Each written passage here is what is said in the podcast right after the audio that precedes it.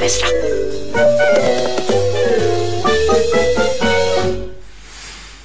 Ja, kära vänner, det händer ingenting. Nej, ni gör ju inte det. Ja, konstigt det här alltså. Jag blir alldeles förvirrad. Mm. Märkligt som bara den. Alltså.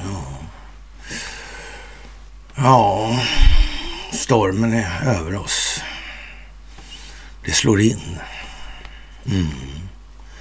Fast det slår ut också. Mm. Sverige. Sverige. Fosterland. Arma sköka. Moder Svea. Mm. Hur länge har det hållits på? Hur länge har det hållits på? Det lär vi bli varse. Och ja... Mm, nu är det jul igen, ja. Däremellan kommer fastan, ja. Ja, så är det ju. Fastan och ja, semlor och konstigt alltså. Ja. Falkenbergs konditori stoppar semmeltesten. Mm. Vet inte. Ja, det är den tredje februari 2023.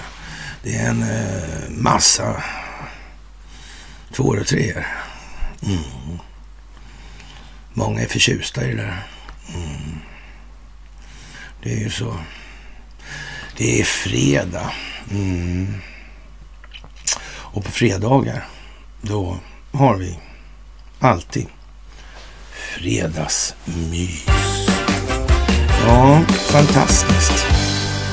Fantastiskt. Det största av tack börjar vi med innan vi knallar vidare med semlorna. Ja, det största av tack för det ni gör alltså. Det är ovärderligt för hela planeten, lustigt nog. Ja. Vi ska komma ihåg vårt arv, vår kultur, de där fornstora dag dagarna. Vad var det egentligen för någonting då? Var det Per Albin Hanssons, Hanssons demagogi, groggi, dog, demagogi, groggi vals? Var det det det var kanske? Eller demagogivals kan man ju säga om man vill göra enklare sådär. Mm. Men det var kanske lite sånt också. Var det hur länge sedan då? Ja, jag vet inte. Det största av tack för går på Swish och Patreon. Ett jättetack för att ni fördjupar er på karlnorberg.se och ett enormt stort tack för att ni hakar på Telegramtjänsten. Mm, ni märker konvergensen, hur det går ihop. Bitarna faller liksom pla på plats hela tiden och de passar så himla bra. Det är klickljud i passformerna, så nästan sugpassning alltså. Mm, helt otroligt alltså. Ja. Ja, en bagare i Falkenberg fått nog av lokalpressens årliga semmeltest och uppmanar i brev till Hallands Nyheter att testen läggs ner. Hur ett bageris semlor betygsätt får alldeles för stora konsekvenser enligt den här bagaren på försäljningen. Ja, vi hoppas att tidningen ska förstå allvaret med, allvaret med ett test som kanske görs lite på skoj, säger konditorn Helene Stålbom. Ett dåligt betyg i semmeltest kan ha förödande ekonomiska konsekvenser för ett bageri eller konditori eller ja, kanske nation. Mm, som inte är så upplyst och medveten. Nej. Kan ju vara så. Kanske det det handlar om. Det verkar som det i alla fall. Ja, det är nog trots allt så att det är jordens genom tiderna största stingoperation som ligger till grund för det här folkbildningsprojektet. Jag tror nästan det va. Ja, hur är det där egentligen med regeringen? Vad är det för någonting? Ja, det verkar konstigt. Jag eh, får nästan intryck av att det där är någon form av eh, mm, teater eller? Ja, det är lite ja, nästan parodimässigt alltså. Men det kommer vi tillbaka till hur många gånger som helst idag. Märkligt nog alltså. Ändå. Mm, fantastiskt. Som det kan bli alltså. Ja, Adolf Fredrik som regerade 1751 till 71, alltså före den här lilla statskuppen som Gustav III gjorde, han ändade därmed då den här så kallade frihetstiden valde man att kalla det där. Lustigt nog då, den här finansmakten hade lite mer koll då. Ja, det brukar anses som en av Sveriges mest kraftfulla monarker genom tiderna, Jojo. Han var främst känd för tre saker. Han gillade då ja, det fanns en, en stämpel då sådär. Han skrev inte sitt namn längre. Och, och den här stämpeln, den, den, ja, den får inte sällan symbolisera kungars, kungens svaga maktställning alltså. Fast han var väldigt stark ändå, alltså fast han var svag. Används tidvis som av företrädare för riksdagen för att signera olika beslut i kungens namn. Kan man tänka sig. Sedan det karolinska enväldet gått i graven i samband med Karl XII 1718, då var kungahusets makt nämligen starkt begränsad och det var istället riksdagen som styrde och ställde. Tänka sig, ja. Mm. Stockholmsbyråkratin var ju liksom etablerad här då. Det var lite sådär kanske att tänka på. Den andra företeelsen som ofta nämns i samband med Adolf Fredriks svarvning då. På Livrustkammaren i Stockholm respektive Kina slott i Drottningholm fanns två svarvstolar som anses ha tillhört kungen. Det sägs ofta att Adolf Fredriks största intresse var just svarvning runt, runt alltså. Konstigt.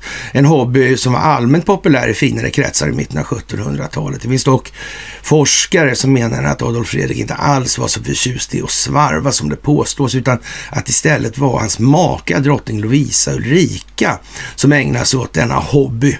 De efterlämnade svarvstolarna, efterlämnade svarvstolarna skulle alltså i första hand ha använts till av henne då och inte av kungen. Mm. Jag vet inte om det är ett ekivokt skämt alltså. Ja, jag vet inte. Man har ingen aning alltså om sådana saker på den tiden alltså. Mm. Ja, men de kanske fick flis i aggregatet och man vet ju inte. Ja, Eller kanske gällde flis i andra sammanhang, inte vet jag. Den tredje saken som brukar förknippas med Adolf Fredrik är också eh, en, den företeelse som de flesta nutida svenskar kopplar ihop med honom, nämligen semlor alltså. Nästan alla vet faktiskt att kungen avled efter att ha förätit sig på semlor, eller hetväg som de kallas på 1700-talet. Den berömda måltiden intogs på fetisdagen den 12 februari 1771. Kungen var då drygt 60 år och hade känt sig krasslig en tid. Han eh, var alltså redan vid ganska dålig vigör alltså när han satte sig till bords denna ödesdigra kväll alltså. Ja, det var nog mörka moln på himlen och hela baletten, tror jag. Ja, Menyn bestod av surkål, kött med rover, hummer, kaviar, böckling och champagne förstås. Med andra ord en ansenlig mängd kolhydrater, ja, eller mängd mat då kanske sa man på den tiden, och dryck. Eftersom det var eh, fetisdagen avslutas måltiden med en het vägg och varm mjölk. allt enligt en kommuniké som senare skickades ut av hovet, eller ska vi säga Stockholmsbyråkratin, jag vet inte. Ja, efter middagen klagade kungen emellertid på att han hade yrsel och eh, kände ett visst illamående. Han föll därefter ihop och avled. Ja, klockan var då omkring eh, 20.15. Ja, dödsorsaken var troligtvis slaganfall. Det är möjligt att den riktiga måltiden bedrog till det här, men, men eh, ja, rikliga måltider. Alltså, ja. Men att det skulle ha varit just semlorna som tog livet av honom finns det inga bevis för, verkligen inte alltså. Och ändå vart det som sägen där. Alltså, på den tiden var för övrigt semlorna inte lika mättande som idag. Mm -hmm. Eftersom de varken innehöll mandelmassa eller vispgrädde. Äh. Eh, hur myten om mördarsemlorna hade uppstått är inte helt klarlagt, men vi har en aning om att det måste varit den ryske tsaren som, som, skickade dem redan på den tiden alltså. Vi, vi, känner lite åt det hållet, för det var väl lite chatter med, med ryssarna där på 1700-talet. Så det kanske var ryssarna ändå då trots allt då. Men antagligen har eh, greven och skalden Johan Gabriel Oxenstierna ett eh, finger med i spelet. Jag vet inte om det är liksom ett eh, vågat antagande. Kan det vara det? Eller är det nog ganska hugget i sten som han så vackert säger? Mm. Det känns lite det i alla fall. Han skrev i alla fall efteråt att fetistan borde förbjudas och att hetvägg drivas i landsflykt ur Sverige sedan den begått ett kungamord. Alltså, jag vet inte om han uh, skämtar på något vis på det här och han skulle uppfattas som rolig. Verkar det vara en humorfrisk typ? Införandet av Stockholmsbyråkratins uh, ättelägg där det känns det som en skämtfigur på något vis. Ja, förvisso. Ur några perspektiv idag så kan man väl säga att det är svårt att se det som något annat, men jag vet inte då alltså. Men möjligen alltså. Ja. Varifrån har fått den här långsökta idén att det var semlornas fel att kungen dött eh, kan man ju fundera på. Ja, man kan ju det faktiskt. Varför, varför inte roverna eller hummern eller något annat, whatever liksom. Det är ju konstigt. Mm. Det tycks gå igen allting det här. Mm. Så mycket konstigt som händer hela tiden alltså. Jag vet inte. Ja, eh, chefen för det turkiska inrikesministeriet, var det inte Karl XII, hade inte han med Turkiet också att göra kanske? Ja, hade han kanske. Och nu uppmanar chefen för det turkiska inrikesministeriet USAs ambassadör i Ankara att ta bort smutsiga händer från landet och anklaga honom för att försöka ja, destabilisera, upphets, alltså sinnesstörande Ja, ja sinnesstörande, ja. Mm, stämningar liksom. Mm. Ja, jag vet inte. Och det här är ju konstigt alltså. Mm. Det verkar inte så bra egentligen mellan USA och Turkiet i de här sammanhangen längre. Jag vet inte, är det något särskild, är det någon särskild anledning det tror ni? Mm, jag är inte säker, jag har ingen aning faktiskt. Jag har inte det. Kära ni. Det är fan, aningarnas tid är över. Det är bara så. så. Aningarnas tid är över. Det kan vi väl konstatera. Det är rätt mycket som pekar. Ja. I sann ja, konformistisk anda den här i, i förhållande till verkligheten för första gången. Ja, om vi ser till vad vi just rabblade upp här med, med kungar och annat och så, så känns det som att det håller på en stund. Alltså, men det vet vi också. Vi vet ju att det är långt bak i tiden alltså. Mm. Och det här folkbildningsprojektet går ju faktiskt helt fantastiskt. Det är roligt också. Vilken humor. Ja. ja. Det är många facepalms ute i landet som tittar på de här mysen. Ja, men det är lite gulligt. Mm. Jag ska säga att jag tycker det. Alltså. Mm. Ja. Tänk vad alla blir sarkastiska. Mm. Ja. ja. det där är ju speciellt, måste jag också säga. Så det, mm. Engelsmän brukar säga att vi är lite dåliga på sarkasm. Jag känner en engelsman, en boxningstränare som heter Bob McAdam. Han gnällde alltid på det där och tyckte de var så roliga, engelsmännen. Ja. Mm, jag vet inte. Det är så roligt alltid. ja. Gnällde på irländarna också. Och sa att de var sura för lite potatis för länge sedan. Mm. Ja, jag vet ju inte förstås, men ja, sådär alltså. Ja, ja. Ja, vad ska vi säga?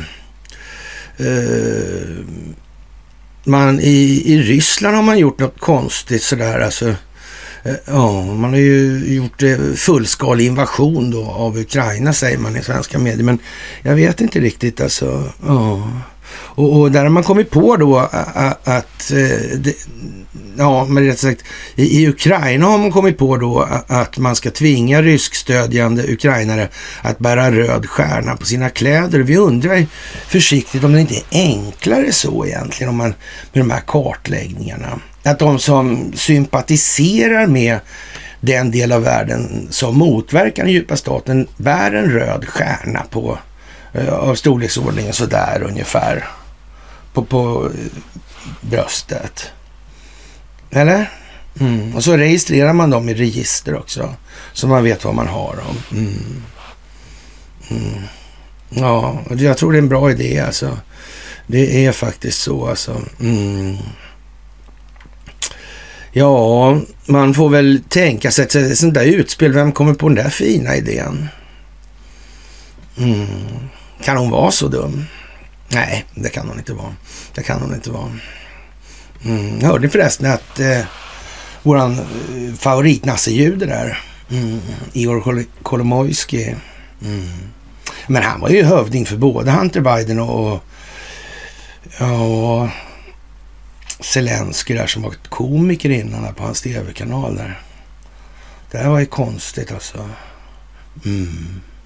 Och Kolomojski med sin privatbank där. Ja. Jag tror vi har skrivit lite om Kolomoisky. Anders Åslund har väl skrivit lite grann om Kolomoisky. Han tycker han är rätt hyvens kille det där. Mm. Ja, Åslund är ja, vapendragare till Carl Bildt, ja. Jag vet inte. Det känns som att det här kommer att spilla över på något vis in i andra sammanhang. Som typ NATO, EU, Israel. Ja, de här övergripande statliga organisationerna. Jag vet inte, har någon hört något om det? En gång i alla fall, va? Jag tror det, jag tror det. Mm. Men jag är inte säker. Jag är som vanligt inte säker alltså. Nej. Ja, som sagt. Eh, men om det är så, då måste ju hon vara med och spela det här då. Eller? Eller hon är så där dum i huvudet. Mm. Det är inte så att det tydliggör någonting, att det påminner om någon annan sån här verksamhet som bedrevs och som av en jävla händelse faktiskt eh, orkestrerades och regisserades och hela midevitten där alltså. Samma liga som vanligt alltså. Ja. Det är lite pinsamt faktiskt för eh, Sverige i den meningen. Mm. För på resten av jorden, då har de här namnen liksom de har bytts ut och annat har kommit in liksom över tiden. Men sen någonstans i, ja, eh, sista fjärdedelen av eh, 1800-talet där någonstans. Ungefär när telekom börjar slå igenom ordentligt så har det hela tiden stegvis varit en förskjutning av makten. Någon verkar ha greppat det moderna krigets största del till en omfattning som gör att alla andra har fått börja rätta sig efter det här. Eller falla offer för sin egen, ja, vad ska vi säga, informationsnackdel. Mm. Det känns lite så i alla fall. Men det kan ju vara fel, jag vet inte. Ja. Som sagt alltså, ja, det är länge sedan som det här sjösattes. Svenska Vitterhetsakademin, där kom någonstans med Gustav III. Ja. Sen blev det något annat av det där lustigt. Ja. Där någonstans hade man i alla fall fattat att man skulle döpa saker. Man skulle ge saker namn liksom som gav associationer, som gav efterföljande tankar. Mm, där någonstans så vart den här reflexiva kontrollen så att säga mer realiserad. Mm. Ja, fast inte förrän efter 1792 så mycket. Nej, nej. Just det, det handlar om de här kolonialväldeskrafterna och de som försökte motverka det. Var det någon speciell kung som eh, ja, stödde det här fria amerikanska frihetskriget kanske? Mm. Ja, 1638 så hade man ju skickat, åkte man med Mayflower va? Mm, tror jag det var. Mm. Så var det ju. Mm. Konstigt. Första delstaten Delaware, Joe Bidens hemstat där. Mm. Konstigt. Chesapeake där också. Det där Chesapeake kanske det heter, ja. Jag vet inte. Konstigt det där alltså. Alltihopa. Mm. Det verkar liksom... Och det verkar inte gå att slita isär nästan heller. Joe Biden har ju ett universitet, på ett universitet har han lagt en massa hemliga handlingar och väglämnat ut dem där alltså. Undrar om det är någon som har dem redan i uppgifterna där i kanske. Mm. Kan ju vara så.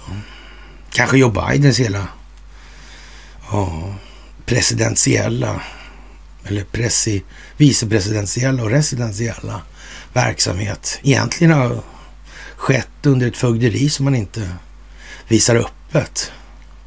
Ja, för det är nog planerat sedan rätt länge tillbaka och det måste ju ändå vara svårt att få familjen Biden och det här med att säga åt, ja,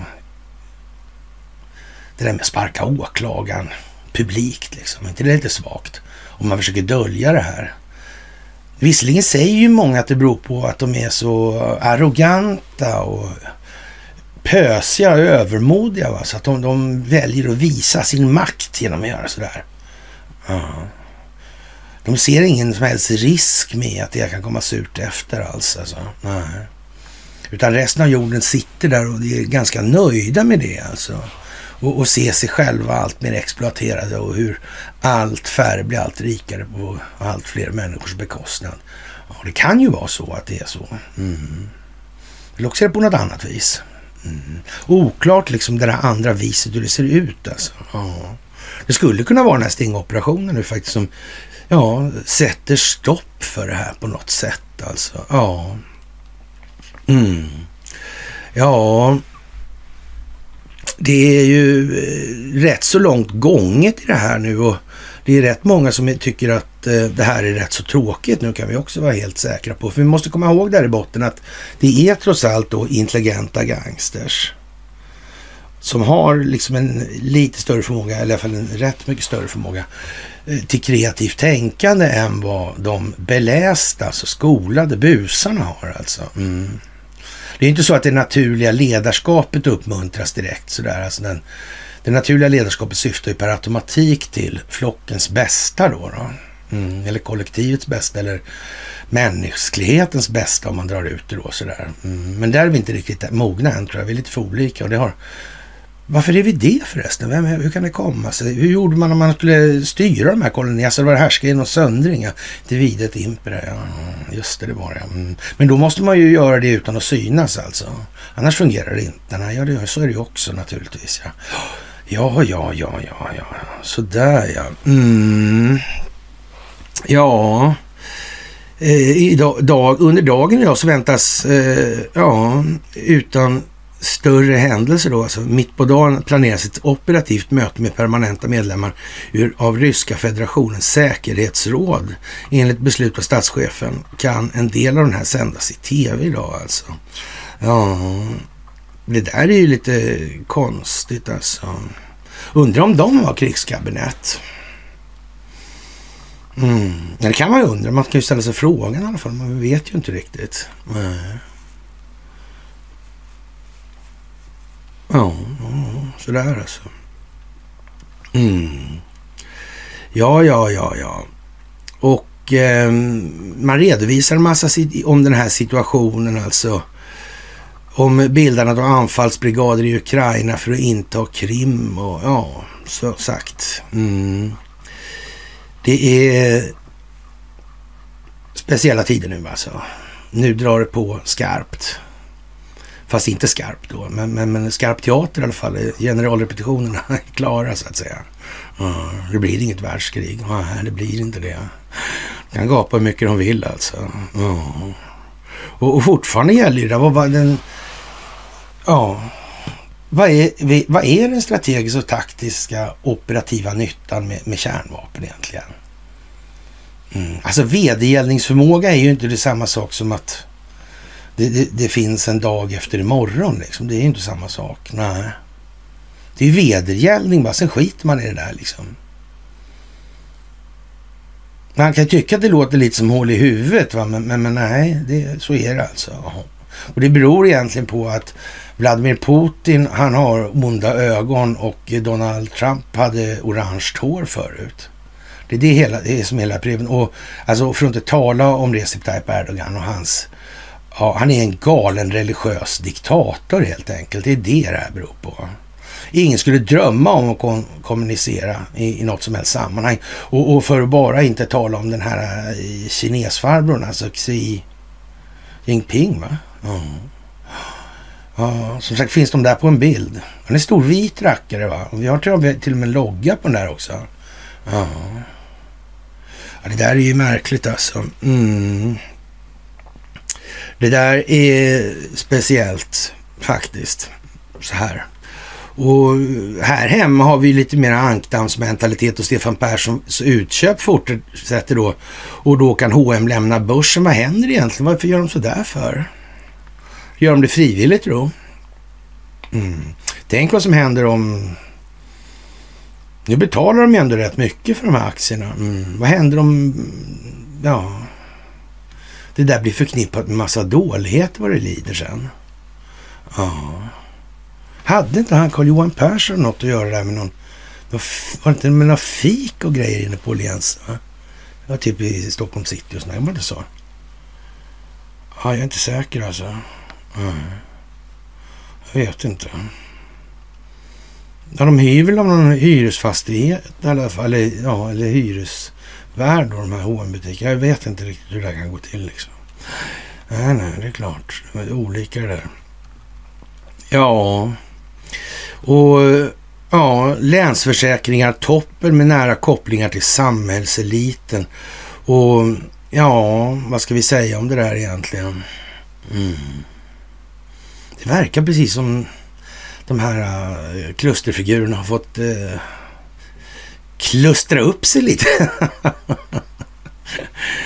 ja, ja, till allmän beskådan nästan va.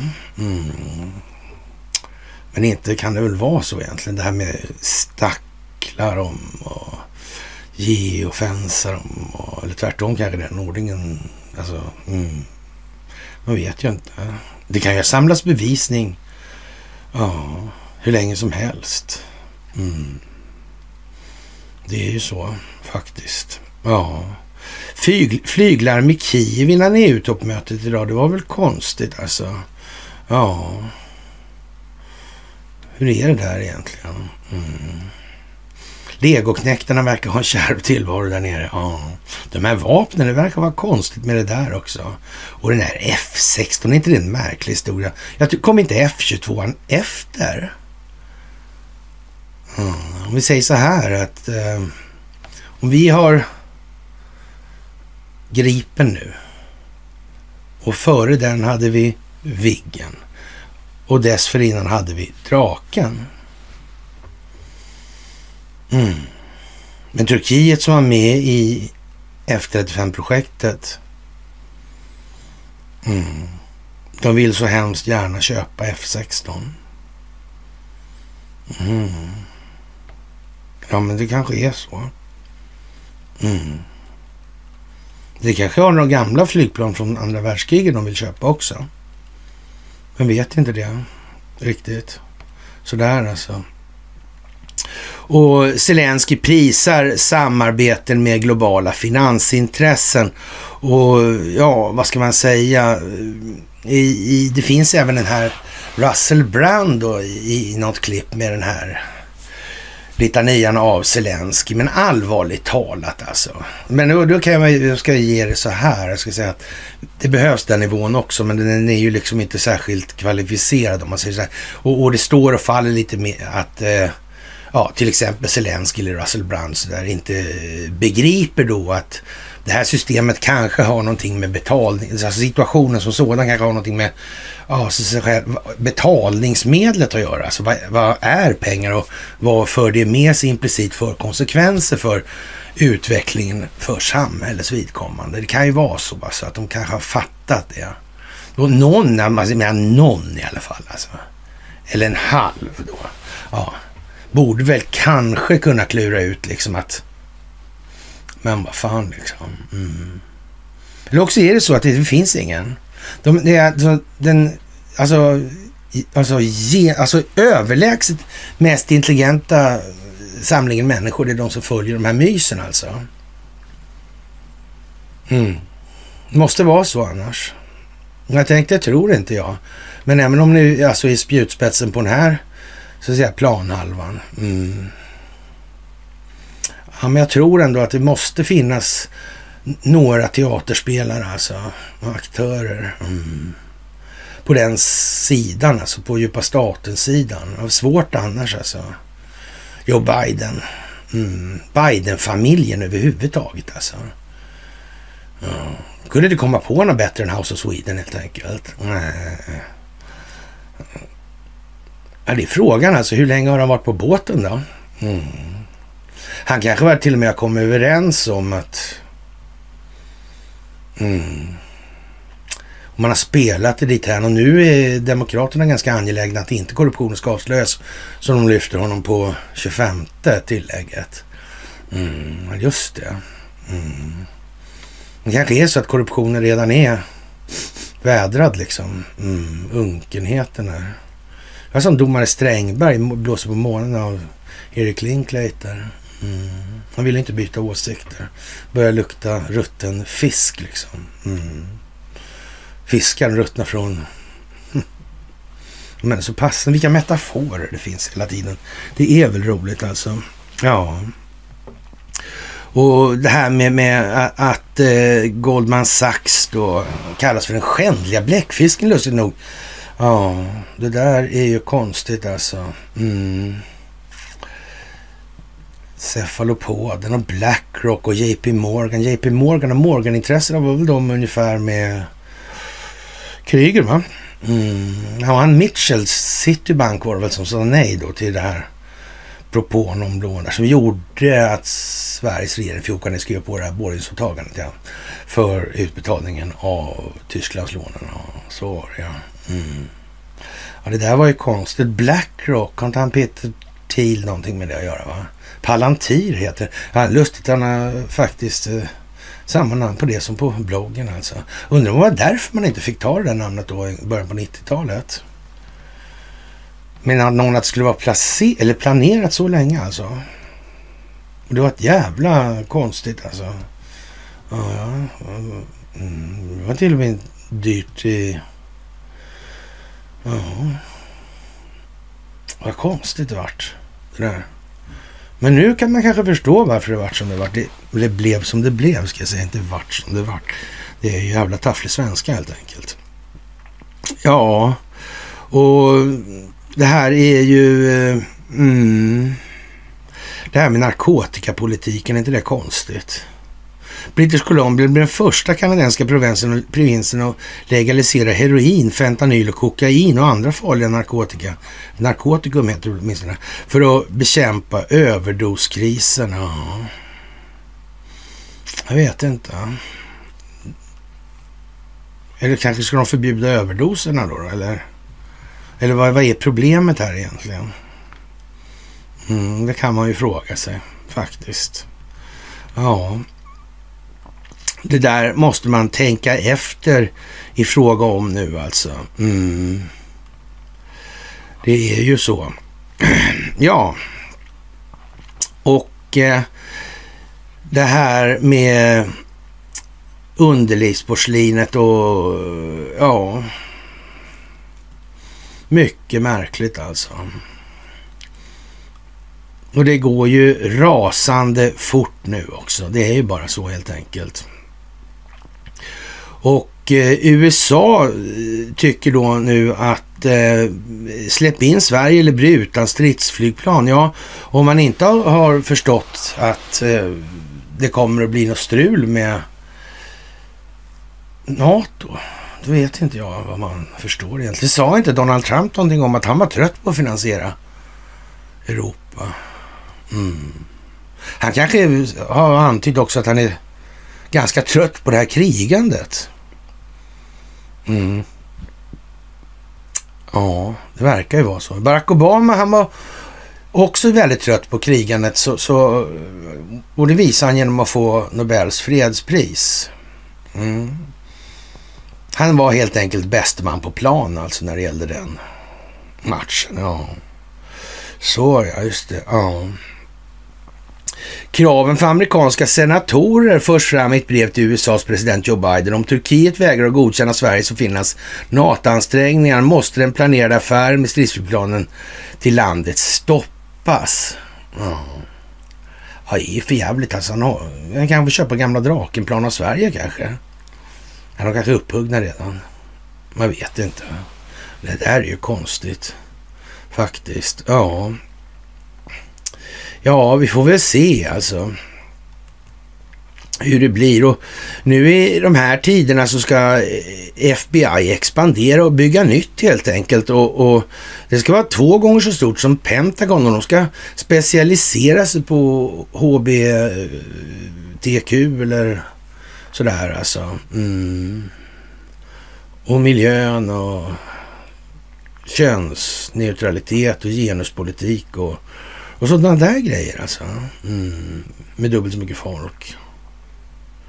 Och, och, att det här med att de har betett sig lite illa i eh, samband med eh, de här valen då, eller vad man ska säga. Mm. Jag vet inte, spelar det nog kanske ingen roll eller? Nej, nej. Vad ska vi med dem till? Nej, säg inte det. Vi ska ha dem. Ja, ja. Då, så, då är vi överens naturligtvis, eller? Ja, vi får väl se hur det är med den saken egentligen. Mm. Kanske människor börjar eh, tröttna på det här lite grann alltså. Mm. Faktiskt alltså. Ja. Behöver de ha nya mm, lokaler överhuvudtaget, man tror? Eller kanske det här är ett sätt att motivera för folk. Kanske det handlar om reflexiv kontroll. Kan det vara det? Kan liksom värdeladdningen på informationen, alltså signalvärdet, kan det peka i någon viss given riktning hit eller dit eller upp eller ner eller fram och tillbaka eller så? Ja, vem vet, vem vet helt enkelt. Mm. Ja, och när man tror man har sett det mesta i, i världen, då får man se lite till alltså. Och, och, och, nu har det blivit mer än fantastiskt helt enkelt. Nu får Stockholm en ny landshövding alltså. Och, och ja, vad ska man säga? Det är liksom, det är ju toppen på det här med Axel Oxenstiernas arv och han är dessutom, hon höll jag på att säga, men eh, den tillträdande landshövdingen i frågan här, hon säger att stockholmarna är smartare alltså. Ja, Stockholmsbyråkrater är ju i alla fall eh, mindre eh, moraliskt eh, sinnade. Så kan vi säga. Etik och moral är inte riktigt deras grej alltså. Nej, nej. De vill gärna tro att det är det, men det kan man säga så här också. En förutsättning för att tro det är ändå att man inte ägnar sig åt allt för mycket kritisk självbetraktelse. Så kan man säga också. Man tycker att det är nog bra att man är som man är. Man vill inte ge sig ut på djupare vatten alltså. Eh, eh, för gör man bara som man har blivit lovad då, då, så, av systemet så då står lyckan där alltså. Ja, den kommer stå där bara. Mm. Och sen får man lyckla sig hela livet sen. Mm. Samhällskontraktet, ja. Har ni hört det begreppet förr? Vad är det för någonting? Ja. Det är ett system som eh, bygger på att bankernas pengar styr den ekonomi som kontrollerar politiken. Och all offentlig makt utgår ifrån befolkningen. Och ingen offentlig makt kan mm, faktiskt verkställas mm. utan bankernas pengar. Vem är det som bestämmer? Det där är konstigt att ingen har tagit upp det. Mm. Kanske det inte finns så många i den här uh, ja, horhusensemblen som faktiskt kvalar in moraliskt egentligen för att vara budbärare för sånt. Annars skulle vi ju kanske inte ha partier menar jag. För det är trots allt bara ett filter mellan väljarkåren och representationen. Mm. Filter mot vad egentligen? Ovälkommet besök kanske? Jag vet inte. Det skulle kunna vara det. Det skulle kunna vara det. Sådär alltså. Ja. Och den här äh, Stockholmsbyråkratins nya härskare då. Ja, Madame Batra alltså. Ja gift med David Batra som är partner med Göran Persson. Ja, vars namne då var en tidigare upplaga då, var Vasafogde där och dömdes till döden genom gruvlig tortyr alltså. Så, ja, det är lite, lite halvt, eh, ja, skräckförundran över det här om historien ska gå igen i sådana här bistra delar. Man vet ju faktiskt inte.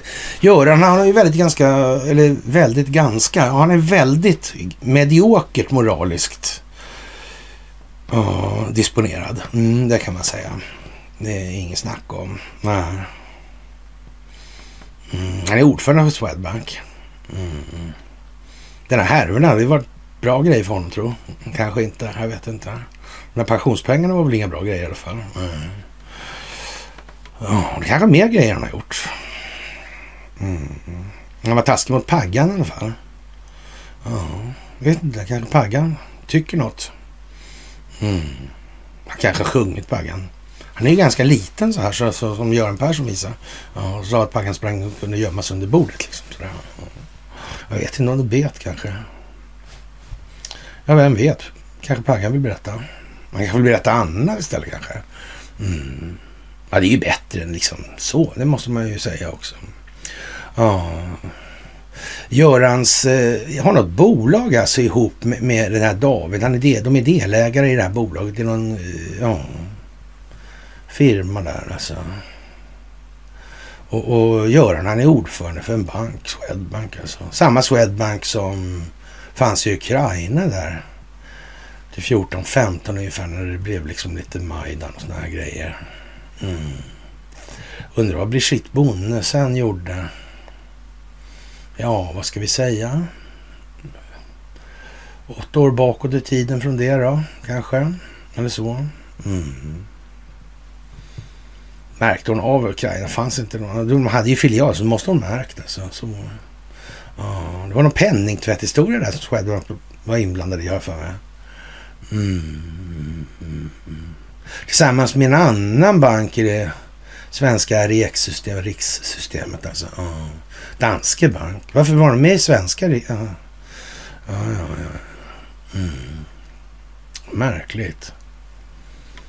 Mm. Varför hör man inte så mycket talas om den danska centralbanken? Det hörs aldrig liksom att de gör några vågade hej, grejer hit och dit. Liksom det. Och, och, jag vet inte, den här serien Borgen som var det. Såg man aldrig röken av riksbankschefen? Han kanske inte har så framträdande roll som den svenska riksbankschefen. Det kanske är därför. Det vet inte jag. Mm. Ja. Men att ansluta den till ett annat lands centralbanksystem. Som TIR 1-bank, inte det konstigt? Man anar nästan någon form av eh, eh, tjuv och rackarspel här alltså. De har varit lömska, falska, bedrägliga. ja, men lite så alltså. Ja. Och hon efterträder alltså Sven-Erik Österberg och hans historia är ju trots allt vad den är då i ljuset av dagens artikel i Göteborgs-Posten som vi återkommer till om bankerna då. Och han vet ju faktiskt vad som utgör det grundläggande problemet i det här systemet. För det har jag förklarat utförligt för honom vid ett flertal tillfällen. Jag har lagt en jävla massa timmar på honom alltså. Mm. Och han stod och såg förfärad ut som en skogshuggare från Västmanland ungefär ska göra helt enkelt. Sen åkte han upp till Pajala och höll på med gruvorna och då började det gå snett minsann. Sen drabbades av en han av en jävla otur helt enkelt. Ja. Det gjorde han. Ruggigt oflyt alltså. Så. Mm. Det gjorde han, ja. Mm. Men han fick bli landshövding i Stockholm ändå. Jag vet inte om det ser, ser liksom... Det kanske ser meriterande ut sådär, eller tufft ut sådär. Alltså, men jag vet inte fan alltså. Mm. Om man säger det här är ett folkbildningsprojekt som baseras på en stingoperation i USA, alltså, så kan man säga så här att då, då kan man väl nästan misstänka att det finns eh, planerat eh, steg och en strategi bakom det. här. Var ska man hamna någonstans? Vilka moment eh, sker när och varför? Och så vidare. Det kan ju vara så alltså. Mm. Och nu ska alltså eh, Anna då efterträda då Sven-Erik. Ja. Efter då jag hade förklarat det här, han hade himla med ögonen så himla mycket sådär. Och, och jag tyckte liksom att han ser bra, det verkar ju vara en bra snubbe liksom. Så här, rejält handslag och sådana grejer. Ja. Då blev han ändå mm, vice ordförande för Riksbanksstyrelsen. Utan att begripa vad pengar var för någonting. Och vad det innebär. Man kan säga så här alltså. Uh. Jag hade hyfsat ont i va-gången efter det alltså. Det ska jag erkänna. Uh. Den, eh, ja, att det var fel alltså. Man sket en lök, det kunde man liksom, Men det här var ingen lök, det var en pumpa alltså. För fan, det var helt otroligt dumt alltså. Ja, men man ska tro gott om människor. Men sen åker man på lite sådana där grejer. Jag tyckte han någonstans, alltså, men det här var ju väldigt, väldigt länge sedan också. Men det blev, det blev lite tokigt där. Det måste man ju säga. Jaha. Det blir alltså Anna Kinberg Batra som efterträder Sven-Erik Österberg som suttit som landshövdings ja, eller vad man säger, Stockholmsbyråkratins, ja, i alla fall officiell härskare. Men eh, i Tessinska palatset sedan i februari 18 då. Och det är i alla fall efter Donald Trump har tillträtt där. Och redan 17 så övar man på förresten det här med krigsdelegation. Eller samma år, eller ja, i april gjorde man väl det om jag inte helt missminner mig där alltså. Mm, han tillträdde ju 20 januari där. Mm. Just det, så var det något, var inte Drottninggatan där i de faggorna också någonstans. Han var väl kanske, ja jag vet inte var det hängde de där övningarna ihop kanske då på något vis. Eller sådär. Eller, det var ingen övning i och för sig, men ändå då. Ja. Det var något konstigt med allt det där. I alla fall. Det kommer ju konstigt i tiderna så det gör ju att det ser konstigt ut med tidsaxlarna. Det är det, det, det liksom. Ja. Och, och den 22 oktober då i höstas där, det kommer vi tillbaka till alltså. Mm. Ja. Det är ju en stund efter valet där bara. Mm. Då, ja, konstigt. Då tillsätter man sig namnen på de där. Ja, ja jag vet inte. Kan det ha med den här Kearsarge, kan det ha med flaggor att göra? Mm, inte halvstång kanske, inte alls kanske. Mm, nej. Men det var ju sådana där saker alltså. Ja, och Kinberg Batra var ju moderat riksdagsledamot från 2000 fram till 2015 alltså. Ja, då hon tog över partiledarskapet i två och ett halvt år där. Mm, det är ju så. Mm. Vid tiden för tillträdandet som partiordförande var hon eller Moderaternas gruppledare i riksdagen och partiets ekonomisk-politiska talesperson. Under tiden efter rikspolitiken har hon i huvudsak ägnat sig åt styrelseuppdrag. Idag fem stycken utöver sitt eget aktiebolag. Hon satt väl på den här, eh, ja vad heter den, Elefantkyrkogården va? Mm. Och det kanske var i väntan på det här då. då. Mm.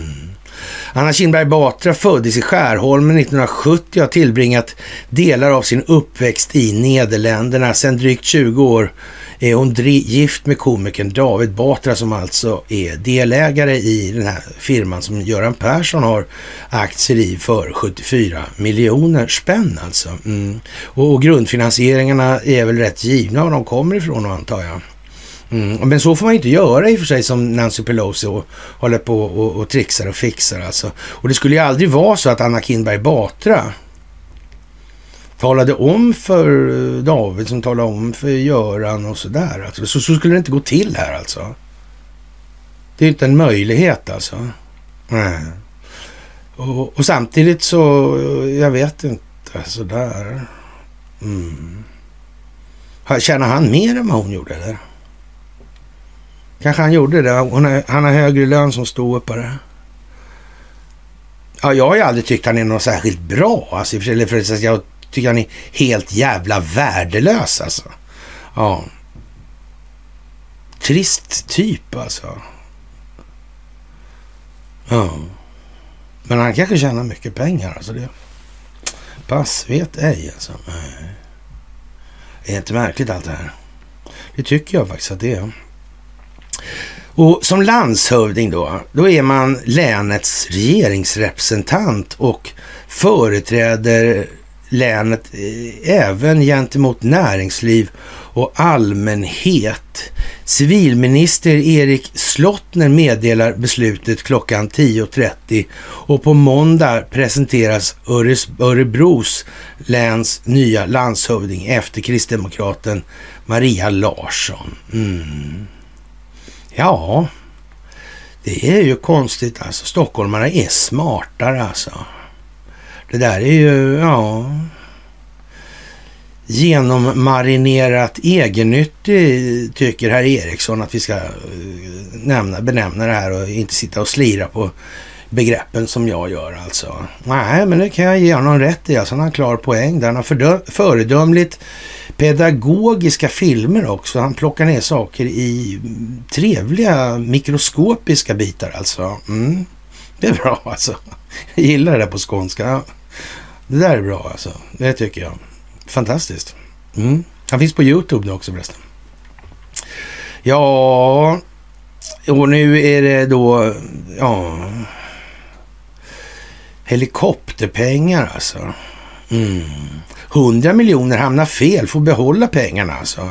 Danska hushåll som har misstag har fått sådana här äh, energistöd eller så, elstöd eller, ja, nej energistöd säger vi. ja, de behöver inte betala tillbaka de där, det gick inte. Det var utformat på det viset alltså. Ja, alltså jag fattar inte de här, de här juristerna, alltså att de är så konstiga med det där alltså. Mm. Ja, jag vet inte. Det här med liksom eh, klausuler i andra sammanhang så är att om utifall att då, mm, för eventuella omfall alltså. Mm. Jag menar, vadå?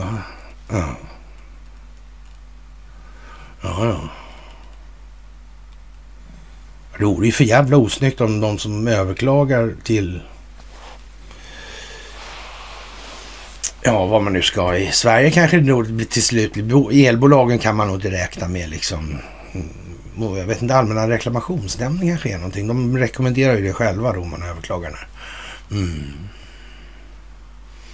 Och sen, ja, jag vet inte om man sätter in pengarna på, hos Länsstyrelsen. Det är som en hyra där man gör så då. Eller om, hur man gör, man låser dem på ett konto på Länsstyrelsen. Det är kanske inte är så säkert nu med Batra där då. Eller också är det kanske det det är, jag vet inte. Mm. Jag ska göra något nyttigt för en gångs skull. Mm. ja. Men man skulle vilja se hur det såg ut liksom hemma i, vid köksbordet när David Batra drar ett skämt som någon skrattar åt. För, ja. Det måste ju vara hon då i alla fall. Ja, alltså det kan man ju säga i alla fall. Ja. Ja, för övrigt så kan vi inte, jag ska lägga, inte lägga så stora aspekter på, på, på, på den där konstellationen då. Men, men det är lite komiskt ändå alltså. Ja, det där är mycket udda och eh, ja, en, eh, i svenskan varnar man för en rysk offensiv, alltså på 500 000 soldater. Det är så att eh, man har egentligen helt enkelt bunkrat kylskåp och tvättmaskiner under väldigt lång tid. Och, och därför har man lyckats få ihop det här och det är bara nersketna pensionärer, snorungar och, och annat löskefolk. Va? Det, det är vad som mannas upp med här och då ska man gå ut på en självmordshistoria här då. Mm. Och sen ska de tappra ukrainska legoknäktarna. Mm. Nej, jag vet inte. Det, här är nog... Eh, ja, man börjar ju prata om den 24 februari. Vi har ju sagt att fönstret går den 6 nu. Och, och sen är det väl trots allt så att eh, det här med att hålla på med numerologi och sådana här grejer. Det kan ju tänkas bli lite omodernt för överraskningsmomentets skull alltså. Mm, om man verkligen ska flytta på så där mycket trupp. Och hur många det nu är alltså. Ja, det varierar lite från 300 000 till 700 000 om man ska lyssna till exempel på ja, Doug McGregor till exempel, amerikanen där. Mm. Som ändå har varit där väldigt mycket och kan det där. Och dessutom är han en vanlig, han är en vanlig militär alltså sådär och inte en massa jävla eh, ja, politiska såser liksom. Det är ju inte så. Svår ackordering. Ser ut som min gamla farbror dessutom. lite. Och dessutom har han ungefär samma typ av humor också. Så han är lite så halvkuslig på sådär vis. Ja. Det där är ju speciellt alltså. Och eh, ja, Oleksij Resnikov kan, det här kan påstår då alltså att det här kan sammanfalla med årsdagen och krigsutbrottet 24 februari och kunna bestå av hela 500 000 man då. Mm. Ja, jag vet inte. Men, men det är som sagt inte... Ja, det är löskefolk och nedsketna pensionärer och mest ja, gamla kylskåp. Nu använder hela kylskåpen och satt hjul på. Alltså, mm. Sådana här barnvagnshjul också dessutom. Så ligger de där. Så sitter de där i och så när det börjar smälla så kryper de ner i kylskåpet så rullar de där. Sådär alltså. ungefär. Alltså. Ja, det är inte klarlagt om det handlar om en ny form av mobilisering nämligen som ska ha uppsnappats av underrättelser främst från regionerna Kursk och Rostov. Vi underskattar inte vår motståndare. Nej, Tydligen. Och det går ju så jävla bra så nu börjar man prata om eh, ännu mer storskaliga grejer här. Men var de inte redan inne då? Det var ju, det var ju storskaligt, fullskaligt liksom. Ja, och vad är det här? Är det utanför skalan då eller något? Jag vet inte fan alltså. Ja, när vi har kartlagt styrkorna som närmar sig gränsen ser vi många fler än vad som tidigare framkommit, säger Resnikov. Jonas Kjellén som följer alla aspekter av utvecklingen inom Rysslands väpnade styrkor, BFOI då. Ja, säger att alla möjliga styrkor kan ingå i den avsevärda uppräkningen. Ja, jag fattar inte det där. Alltså, hur kan det, nyss var det torsk alltså. Ja, och, och de var på flykt och, och, nu så vet det fan alltså. Det är eh, lite sådär eh, motsägelsefullt nästan skulle man... Jag vill, jag vill inte säga att det är det, men, men ändå alltså. Ja. Räknar man samman den reguljära armén med Wagnerstyrkor och separatister? Jaha, mm, jaha, mm. Då, ja, som sagt, eh, med omkring hälften av de 300 000 man som mobiliserades i september och dessutom lägger till folk från olika säkerhetsstrukturer är en halv miljon inte orealistiskt, säger Jonas Kjellén alltså. Mm. Men det kanske är bara reguljärt folk då? Jag vet inte.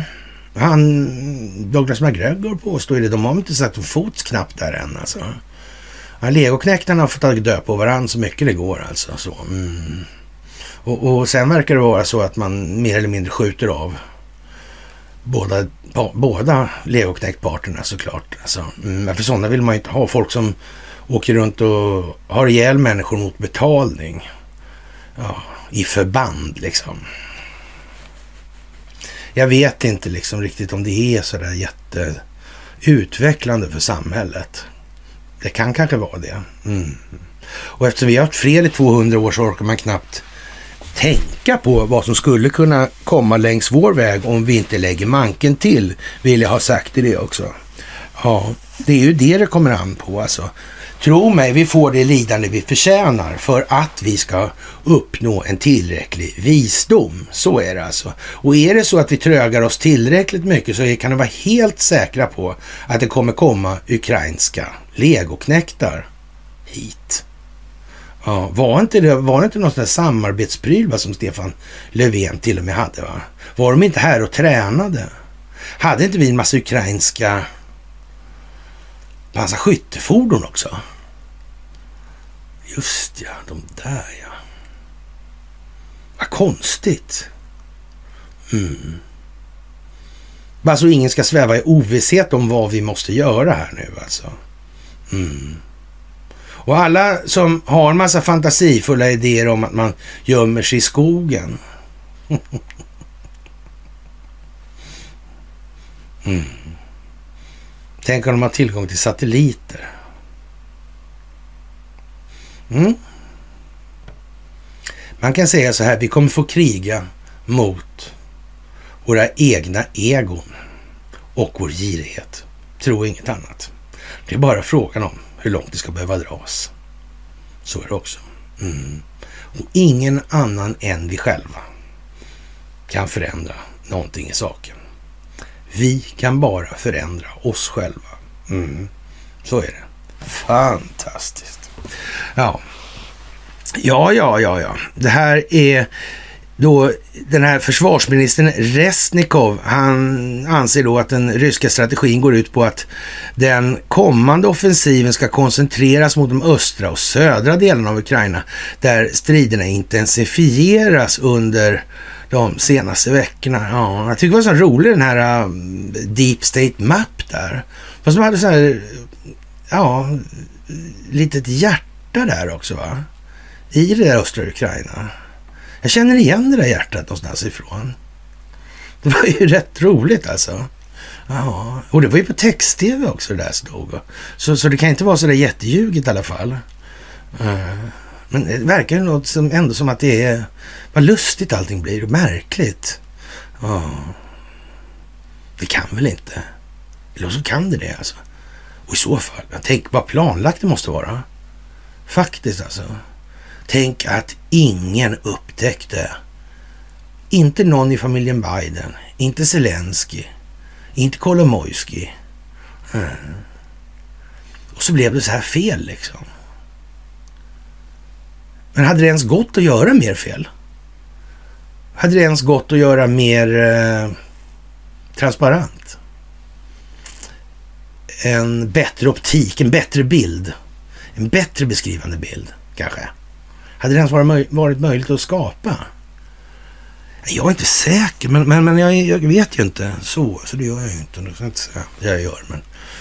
Ja, ja, ja, ja, ja, ja, ja. Ja, och, och de här eh, ja, farhågorna då, ja, den delas av fler då än Danilo till exempel, chef för Ukrainas nationella säkerhetsråd. Han, han eh, säger då att Ja, det kan nog bli sådär liksom. Mm. Och, och, ISV, den här fantastiska amerikanska tankesmedjan, den, den, eh, tycker också lite åt det här hållet. Alltså, jag håller med om teorin att de skulle anfalla från Vitryssland. Det verkar vara avfärdat. Eh, det är rimligt att förutsätta att ett större ryskt angrepp ska kan ske mot de östra men även centrala delarna av landet där flodgränserna i svår terräng ser ut att kunna bli avgörande, säger Jonas Kjellén alltså. Ja, och eh, ja, det kan komma ske en omvänd krigsutveckling från andra världskrig i samma område då Sovjet försvarade sig bara. Och krigshistorier påminner om att de, det här är ett av de blodigaste slag, slagen vid Kursk då, eh, som hösten 1943 utspelade sig över en 1400 kilometer lång front vid floden Dnepr och östra stranden. Röda armén besegrade till slut de ryska trupp, tyska trupperna och etablerade brohuvud vid flodens västra strand. Det följande slaget vid Kursk är där den tyska krigsmaskinen Wehrmacht förlorade initiativet i det som beskrivs som historiens största stridsvagnsslag. Hitler krävde att armén skulle försvara sina positioner vid Dnepr och Eh, men de sovjetiska styrkorna återtog ockuperade territorier rika på kol och andra mineraler i tätbefolkade ukrainska industriområden. Ja, det verkar som historien är på något vis återkommande. Kan det bero på att man upprepar eh, beteenden till givna förutsättningar? Jag är inte jag säker på att det är, är, är så, men jag misstänker att det är så. Mm, det verkar dumt i alla fall. Så kan vi säga. Just egna moderna vapen väntas enligt den oberoende ryska nättidningen Medusa vara en hörnsten i Vladimir Putins förmodade tal idag då. Och eh, eller, eh, ja, han ska säga inför årsdagen av krigsutbrottet den 24 februari. Syftet ska enligt källor vara att då lugna alla oroliga medborgare. Talet ska också uttrycka åtgärder för socialt död. Ja, vad ska man säga egentligen? Det ödesdigra datumet är knappt tre veckor bort i tiden. Datumet spelar stor roll även från ukrainsk sida. Det inbegriper allt från politiska uttalanden till genomförande av spektakulära krigshandlingar, konstaterar Jonas Kjellén då. Och, och, det är inte jag så säker på att eh, det är det bästa överraskningsmomentet som finns. Men det kanske det är. Alltså, jag vet ju inte det. Alltså, de är kanske så överlägsna så de behöver inget överraskningsmoment helt enkelt. Men om de är så överlägsna, varför det här håller på som det har gjort då? då? Mm, man kan ju säga så här att skulle det vara så att de kör den 24 till exempel efter en sån här. Mm, då är det svårt att se att det här har varit någonting annat än en riktad operation för att åstadkomma några speciella givna målsättningar faktiskt. Kanske ungefär de som Vladimir Putin håller sig med när han försöker förklara vad det här är för någonting. Kanske. Kanske. Kanske. Ja. Ja, det där är ju konstigt alltså. Märkligt. Det är mycket märkliga saker nu som händer, det får man säga. Mm. Ja. Och ja,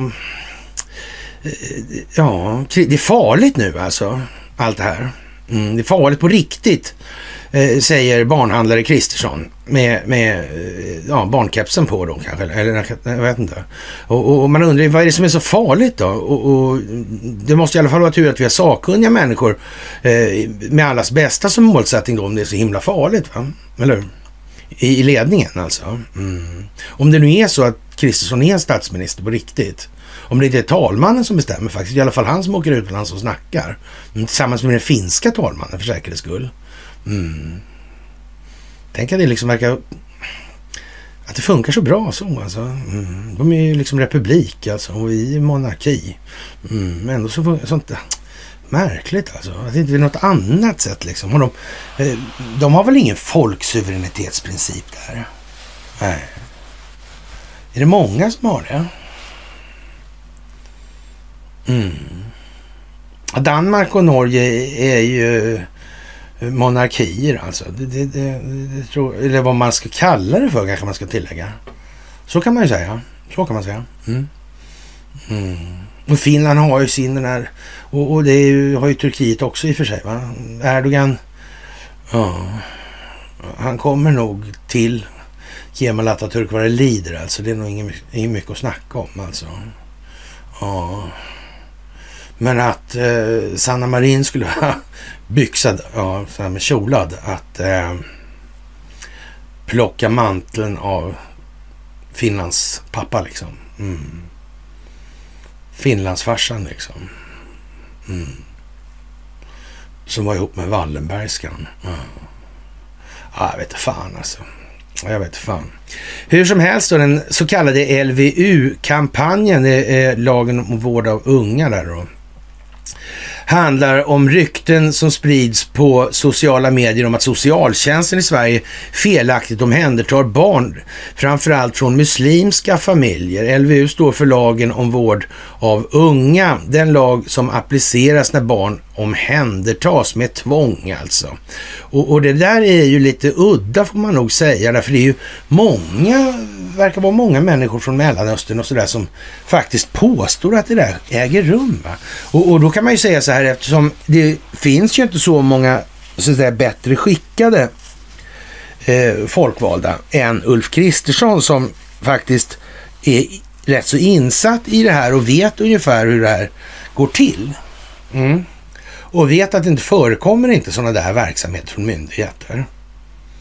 Det, är ju liksom så, det är fastställt så, så att säga, i lag att det inte får gå till så. Och, och, och, eller kanske just den lagen inte finns, för det förutsätter att man inte ska hålla på med sånt som den myndighet. Och så det vet man ju inte riktigt. Men ja, i alla fall påföljdsmassan har i alla fall inte varit överväldigande hittills. Så det, man får ändå anta att det här går ju rätt till alltså. Annars skulle ju någon ha sagt något. Det fattar ju vem som helst.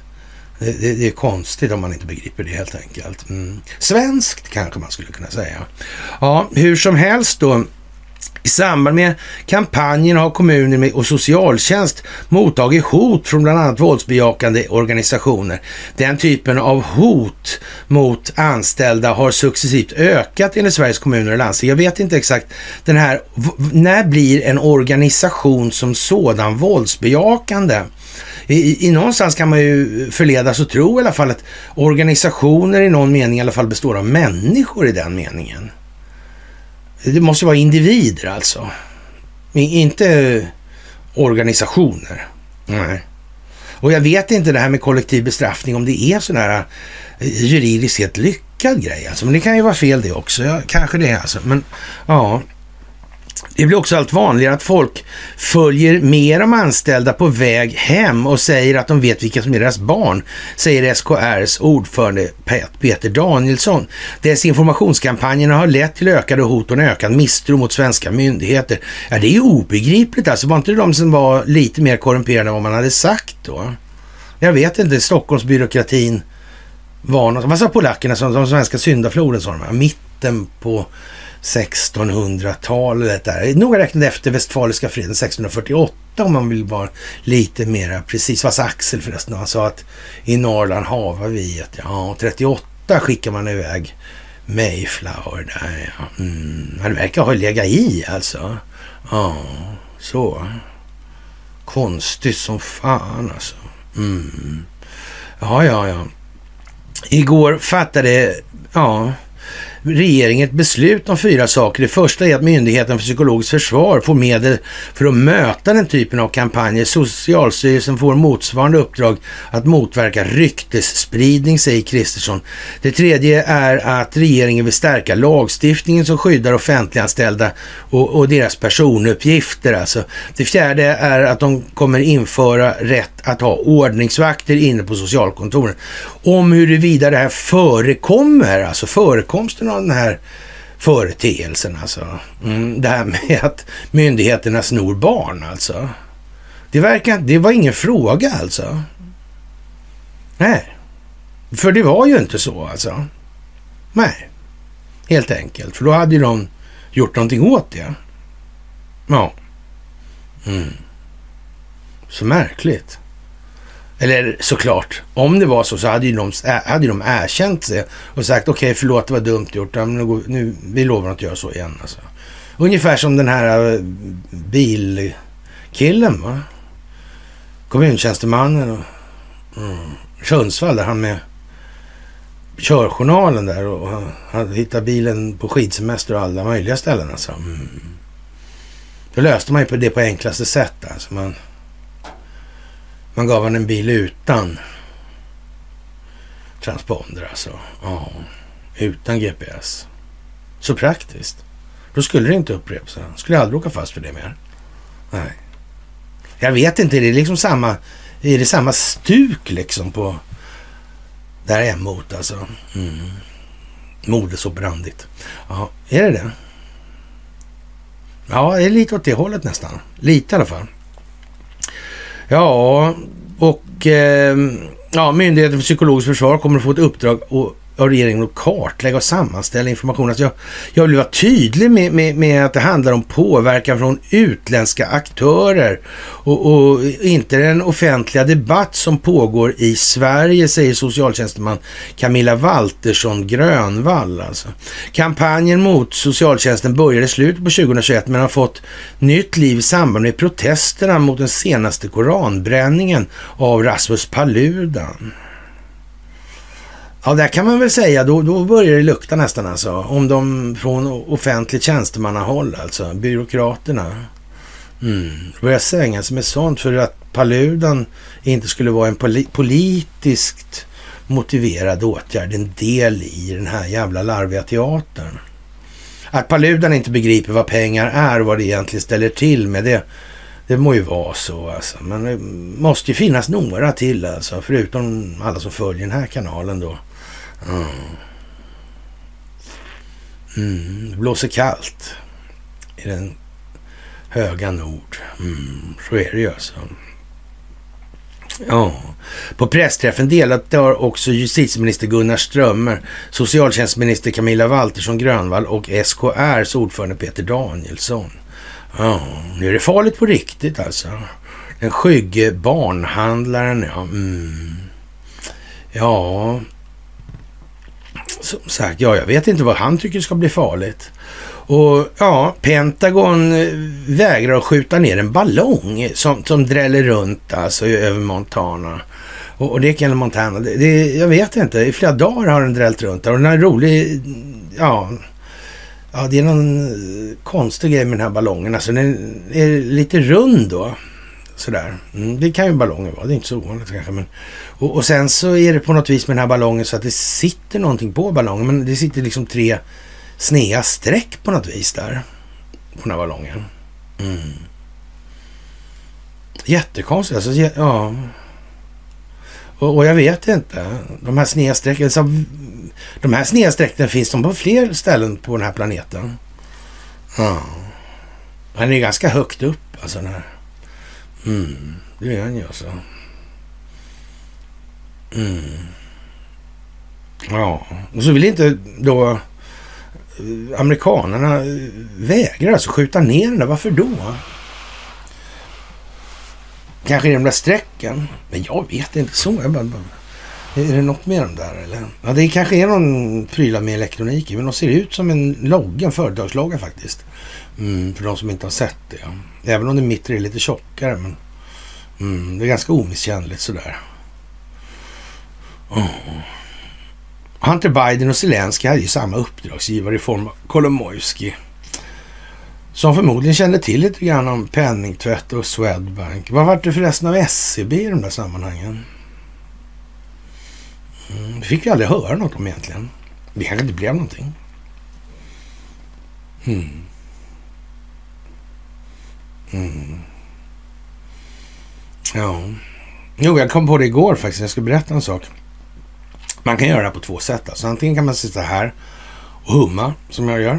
Så här, och tvinga fram tankepauser, så att säga, i, i litanian. Sådär, va? Mm. Eller också är som amerikanerna ofta gör. Då är det kulspruta hela vägen liksom. Rakt av. Och så får man, då tvingar man folk att stanna och stänga av istället. Sådär. Mm. Men, men jag tror att det bättre känsloanslaget får man liksom att ja, man inte bara gå på innehållsförteckningsläsning sådär alltså. Nej. Det blir inte riktigt lika lyckat. Alltså. Så helst ska det helst vara så att känslorna pendlar lagom mycket nu alltså så det inte blir för mycket amplitud på det här alltså. Nej, för då blir det sinnesstörande. Mm. Just det, ja. Mm. Ja. Man måste hålla sig så mycket i balans. Alltså. Och då måste man vara lite så här seg liksom. Mm. Så. Det får inte verka stressande alltså. Och som sagt, det blåser på månen. Ja, konstig måne idag förresten, kommer jag ihåg också att säga. ja. ja, som sagt, även om det inte finns någon officiell bekräftelse på att ballongen tillhör Kina, så har amerikanska underrättelsetjänsten att de har mycket högt förtroende att den drivs av kinesiska regeringen här. Och den här kinesiska regeringen, eller då det kommunistiska, kinesiska kommunistiska partiet, som vi alla känner till, har ju faktiskt gett då Hunter Biden en slant Sådär och eh, ja, amerikanska försvarstjänstemän indikerar då också att eh, även om incidenten inte är oöverträffad stannar enheten över USA längre än vanligt alltså. En konstig ballong. Mm. Det amerikanska försvarsdepartementet bekräftar på torsdagen att de väpnade styrkorna aktivt övervakade en misstänkt kinesisk övervakningsballong. Alltså. Mm. Vad är det för några... Är det så att den djupa staten i Kina har samarbeten med det här Panda Electronics till exempel? Var inte det något sånt där konstigt? Mm, han borgmästaren i Shanghai, var inte det var också sådana här konstiga grejer? Jag har för mig det i alla fall. Mm. Mm. Och den här firman där, med, med den här loggan, de, de, de är ju ett nationellt säkerhetsintresse för USA. Och tänk om det här är, liksom sitter ihop på något vis alltså. Mm. Ja, det ser ju onekligen ut som Globen den där. Det är ju bara så. Alltså, det måste man ju säga. Ja, faktiskt skyhög vinst för Swedbank. Ja. Mm, det är mycket Swedbank nu för tiden här. Något mindre SE-banken. Undrar hur det kommer sig. Ja, kanske det. Man kanske använder ombud, typ bulvaner för sånt som ska göras också. Jag vet inte, det är svenska folkets bank lite grann så. så ja. Miljarder, och det här är i alla fall i, i Göteborgs-Posten då och, och, det är ju lite märkligt alltså. Men inte så märkligt ändå. Miljardregnet över bankerna har passerat anständighetens gräns. Och det, det, kan man ju tycka för tusen år sedan i och för sig. Men, men och, vad bygger det här på egentligen? Vad säger man här alltså? Och ja, vad sägs om att man skulle berätta vad pengar är och, och vad det innebär egentligen? Eller eh, varför inte berätta vad pengar är och vad det innebär istället i den här artikeln? Det är ju konstigt. Uppenbarligen så har inte ja, den som står som skriftställare i vart fall, inte det, den credden moraliskt. Nej, tydligen inte. Eller ska inte ha den i alla fall. Nej. Av någon anledning då kan man anta. Mm. Så kan det nog vara, ja. ja. Miljardregn ur bankerna har passerat anständighetens gräns. Ledare, vanligt folk ligger vakna om eh, natten alltså. Och ja, det här är ledaren alltså, i, i GP, eh, och, och oroar sig över kostnadsökningarna och räntorna. Samtidigt kan bankerna bada i pengar. Det är inte rimligt. Eh, ja, det är en GP-ledare idag alltså det här. Ja. Det är tuffa ekonomiska tider för hushållen. Inflation, räntor, elräkningar, hyran eller avgiften till bostadsrättsföreningen. Allt kostar mer och det blir värre innan det blir bättre. Ja, så kan man säga. Ja. Enligt en rapport från fastighetsförvaltaren NABO kommer landets bostadsrättsföreningar att behöva höja avgifter med 40 procent under året för att kompensera för inflation och höjda räntor. Alltså, ja, det här inflödet av pengar som sker då i ekonomin då. Mm. Man liksom, ja, som sagt. Under 2023 kommer genomsnittligt svenskt hushåll att förlora 35 000 kronor i köpkraft enligt uträkningar från Handelsbanken som också varnar för att svensk ekonomi kan stå inför en krasch om det vill sig illa. Men banken själv behöver inte deppa. Under tredje kvartalet i fjol eh, gjorde Handelsbanken en vinst på 7,3 miljarder kronor, vilket hittills är det högsta banken har gjort i hela historien. Och man kan ju fråga om det möjligen kan bero på att det här är skuldmättat nu det här systemet. Och, och då undrar vi vänner av ordning då hur det kommer sig att man inte tar upp det här med vad pengar är och vad det för med sig. Och, och om banken gör historiskt höga vinster till historiskt låga räntenivåer i princip, alltså sådär. Ja. Mm ja, då är det väl vad det är och det finns ju tillväxtkrav av en anledning. Mm. Och det är att den anledningen är alltså att det allmänna betalningsmedlet består av enskilt kontrollerade räntebelastade skulder. Det är det.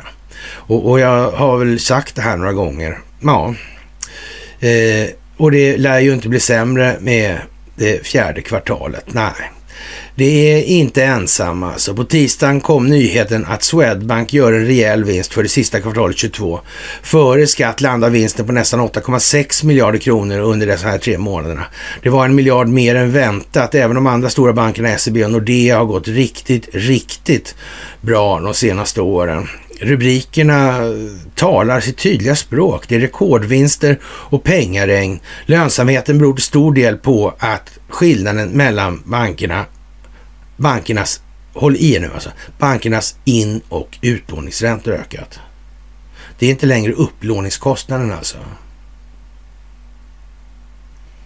Alltså de byter fot alltså. Eh, och det måste ni komma ihåg. Alltså. Ni måste kunna komma ihåg att ja, men de brukar ju säga att det, det kostar. Vi lånar ju in pengarna ju som vi lånar ut sen. Mm. Ja, ja. Men då ska man acceptera det här då därför att vi inte får någon ränta? Eller skulle vi gå med på det här om vi fick ränta då? Eller hur fan menar de? Vad är liksom caset? Ja. Är det svårt? Nej, det är det inte. Är det omöjligt att förstå? Det är absolut inte omöjligt att förstå. Det är helt säkert. Nej. Ja, för den som är intresserad av aktier är bankaktierna riktigt lönsamma som affär betraktat just nu. Alltså. Men eh, den vanliga knegaren då inräknar större delen av medelklassen ligger vaken om nätterna ändå då, och oroa sig över kostnadsökningar, då kan bankerna i alla fall och deras ägare, ja, de kan spela upp champagnen helt enkelt. Sällan har ett systemfel illustrerats med sån tydlighet, för det är faktiskt störande. Inte att företag gör vinst i sig, och vad man nu, hur man nu får för sig att skriva något så jävla imbecilt som att banker är ett företag utan, de har ingen produkt liksom. Ja, det är själva syftet med företag i alla fall, att de ska göra vinst alltså. Utan att det gör groteska övervinster på bekostnad av löntagare. Jag vet inte, eh, som sagt, om det ska väcka ilska över artikelns prosa eller formuleringarna som sådan. Vad, vad är liksom syftar ju? Men det är klart att det här är ju anmärkningsvärt alltså. Banker är speciella för deras enda egentliga produkt är att låna ut, ut och in pengar. Och, och jag vet inte om det här med förvaring av pengar, om det kan... Eh, ja, varför skulle de dela ut liksom? Det där är ju helt hål i huvudet. Så länge det var stora otympliga mynt, då, då behövde de lokal och låsa in dem där i någon form av valv. Fine, liksom. Och då fick man ingen ränta, liksom. Då fick man betala för det. Men i allt annat övrigt alltså. Va, va, vilket jävla dravel helt enkelt. Ja, och som sagt, låna ut och in pengar. Därmed är utrymme för kvalitetsförbättring av produkten knappt jämförbar med tillverkare av mobiltelefoner. Ja, det kan man ju säga om man vill. Eller städtjänster som kan konkurrera med en bättre produkt eller tjänst. Den enda förbättringen banken kan göra är sånt som tillför värde på marginalen för kunden. Som smidigare hemsida eller ett trevligare bemötande i telefon. Eh, det enda som driver i konkurrensen är därmed priset för varan, alltså räntan alltså. Mm. Men inte ens prissättningen behöver de egentligen konkurrera om eftersom det inte råder någon vidare konkurrens. Jag vet inte om vederbörande är hjärndö eller bara ska väcka folk. undrar vilket det är. Är det ett folkbildningsprojekt här tro? Ja, man vet ju inte. Sådär alltså. Ja, mycket, mycket märkligt alltså. Ja, de fyra stora bankerna har cirka 80 procent av bolånekunderna och det är det som gör att de kan tjäna gott på bolån men samtidigt slipper erbjuda sina kunder någon vidare ränta tillbaka på sparkontona. Mm. Ja, alltså de kanske föredrar att skapa pengarna ur ingenting än att ha en massa jävla inlåningar som de ska betala ränta på. Ja, jag vet inte riktigt. Mm, hur kan... Mm, det, det, är svårt det här. Det är det ju faktiskt. Ja. Ja. De gör det här för att de kan helt enkelt. Och, och bankernas enorma vinster är inte uppkomna för att de har lanserat en superpopulär ny produkt. Nej, det, det är det ju inte. Och, och ja, pengaregnet är möjligt för att de helt enkelt utnyttjar det faktum att konkurrensen brister. Ah. Så enskild vinstmaximering i ett system där det allmänna betalningsmedlet utgör räntebelastad skuld. Det har inte en ovillkorlig utvecklingsriktning som leder till just den situation vi befinner oss i idag. Men nu kan vi väl säga så här. Eh, det märks att psykvården har rustat ner för mycket. Så är det. Mm. Ja, men nu kan jag inte vara spefull i de där sammanhanget. Ja, konkurrensen brister alltså och marknadsmekanismerna, de här fantastiska eh, gudakrafterna, de är därmed satta ur spel. Det är nämligen så att om marknadskrafterna fick råda, då skulle inte det kunna uppstå någon skuldmättnad. Då skulle folk sluta vinstmaximera. Och konkurrensen skulle sköta det här. Mm. Fast vi måste ju vara lite reglerad konkurrens, annars går det inte att bli det fria kriget. Det kan inte vara fri konkurrens. Nej, det måste vara, för då blir det fria kriget ju. Ja. Mm.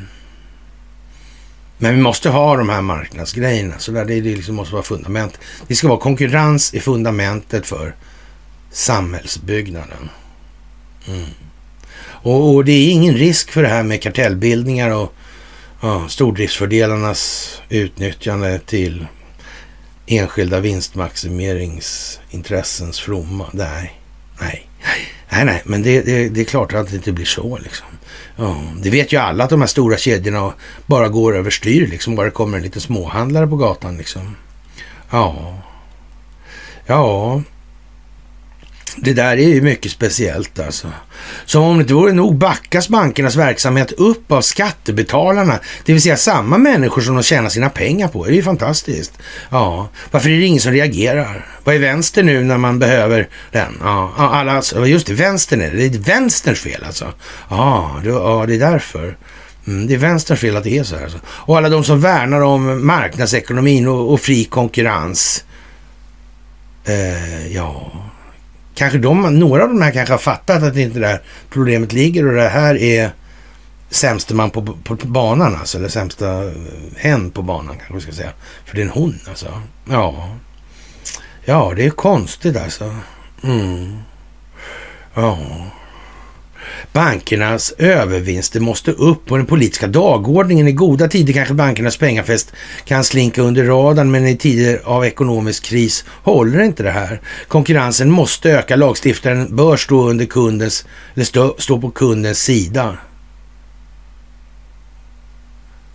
Men nu tar vi det en gång till alltså.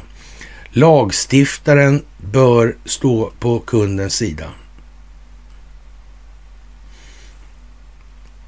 Nästan ett understatement va? Det kanske skulle stå så här. Hur i helvete kommer det sig att banklagstiftningen är på plats som den är för att gynna bankerna? Det är ungefär som den här jävla Jens Henriksson eller vad fan stolpskottet heter alltså. De ska vara nöjda. Mm, går banken bra, då ska alla vara glada liksom. Vi börjar prata om det där med det här ett case som vi inte vill uppleva då, hur det här ser ut då när bankirerna och politikerna och ja, måste man säga så här att när intelligenta gangsters följs av belästa busar som jagas av nyttiga idioter. Så kan man säga. Mm.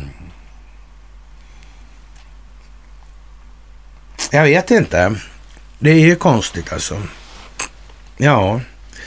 Och, och, konkurrensen ska alltså öka, det blir jättebra. Alltså. Och som Andreas Cervenka, den fantastiske ja, upplysningsguden, liksom, skriver i Aftonbladet i, i 30 första, borde politiker tvinga fram bättre konkurrens?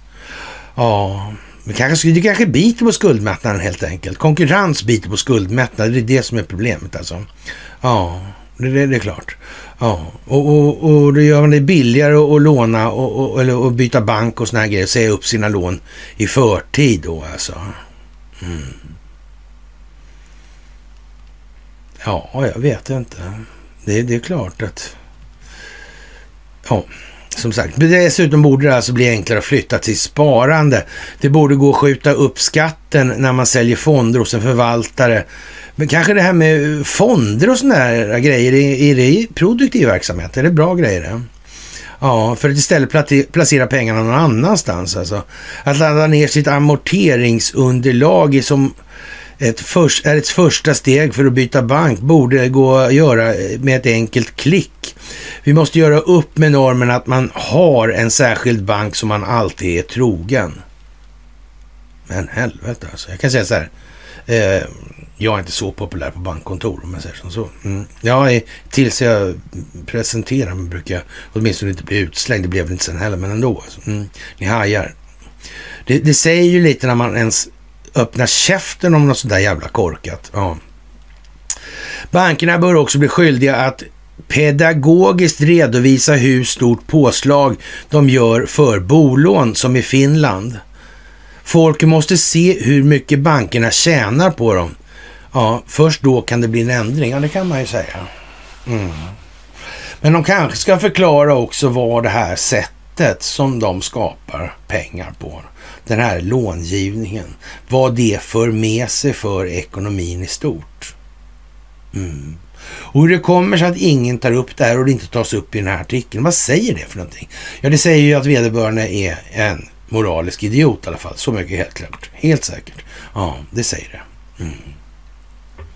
Och det säger att det här måste växa organiskt nerifrån. Uppgiften ligger på våra axlar. Mm. Allra mest på mina. Jag ska göra allt det här själv, så ni kan bara vila er, sätta er tillbakalutade och tro att jag fixar allt det här själv. Alltså inte. Nej. Nu är vi vid den här punkten alltså. Mm. Och så är det. Nu är vi vid den här punkten. Och det är bara att ta tag i det här alltså. Ja.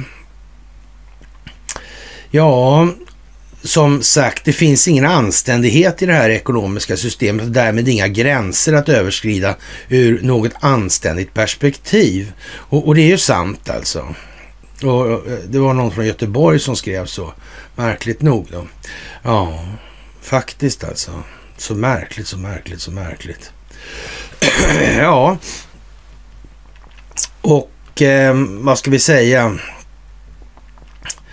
den här mystiska ballongen alltså med Ericsson-logga på så ser det ut som då. Men det kanske inte är meningen att det ska se ut så. Det kanske bara råkar vara så. Jag vet inte. Mm. Det är mycket märkligt i alla fall. Det måste man ju säga. Det måste man ju säga. Ja. Och svenska journalistkårens ointresse och okunskap om Estonia-katastrofen är ett mysterium. Alltsedan den officiella så kallade JA JAIC-rapporten presenteras 97 har olika individer och grupper av överlevande och efterlevande påtalat fel och brister i rapporten och krävt en ny undersökning. Genomgående, alltså det har genomgående ignorerats såväl av svensk press och det har beskrivits som konspirationsteorier då och allt det här. Mm. Och ja, insändare i Dagens Nyheter och det här var viktigt. Då. Men det här är väl inte riktigt färdigsnackat om än? Är det det? Mm. Skulle inte de här nationella, hur var man nu säger, de befolkningsmässiga ska jag säga, trauman som, som Sverige har då, Olof Palme och Estonia då till exempel. Kanske till och med Anna Lind. Mm. Om det här nu har hållit på och planerat så här jävla länge alltså. Ja. ja vi kan ju vara helt säkra på att Eh, Joe Biden han har varit på båten jävligt länge. Ja, ja, hela vägen under Obama också och hans nobelprisfasoner och såna här grejer. Mm. Och det vore väl snyggt om Michelle fick komma in och visa sig vara lite transig liksom. Mm. Det skulle jag skulle vara jätteroligt alltså. Mm. Då kan de gärna vänta till hon blir det så kan vi se vad som händer då. Och, och när man slår ut det här vad händer nu om man slår ut den här äh, offensiven? Hur ska, vad ska USA anfalla då? Mm, med sina 50 000 man? Mm. Jaha. Ja. Ja, ja, ja. ja men det, det, finns ju lite olika kul varianter. Alltså. Men om vi vet då att Ja, bak dit i alla fall, det där med Nobelpriset där för Obamas vidkommande, det var nog liksom en liten översignalering så kan vi säga. Det var ju så här med facit i efterhand kan vi konstatera att det hade man ju inte velat göra så då. Nej. Nej, det verkar lite som att det var manus, eller så att säga, redan på den tiden fanns en viss handpåläggning med i det här. Mm. Och om man tar Bill Barr där till exempel som ändå var stabschef åt George Bush. De blev tillbaka till 2001 då ja. Mm. Kan man ta tio år till då kan man ju säga då att Jeltsin eller Eltsin då och Vladimir Putin. Mm. Mm. Det är inte så långt kvar till Palme heller. Här står ni ju förbi då. Mm.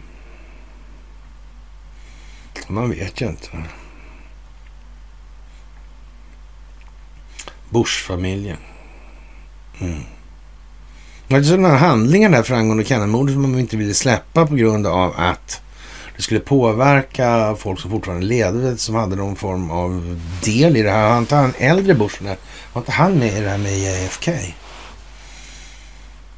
Mm, det var han va? Mm. Ja, ja. CIA också. Mm. Ja, just det. Det var Dals också. Mm. Mm, Dals. Mm. Washington-förhandlingarna, Bosch-affären. Mm. Alltså alla kan inte ha bommat allting hela tiden, alltid. Det finns ju inte. Nej. Och som sagt, jag tror jag sagt det någon gång förr, sådär, men senast 1931 måste de ju fattat. Och det hade de gjort för länge sedan då alltså. Mm.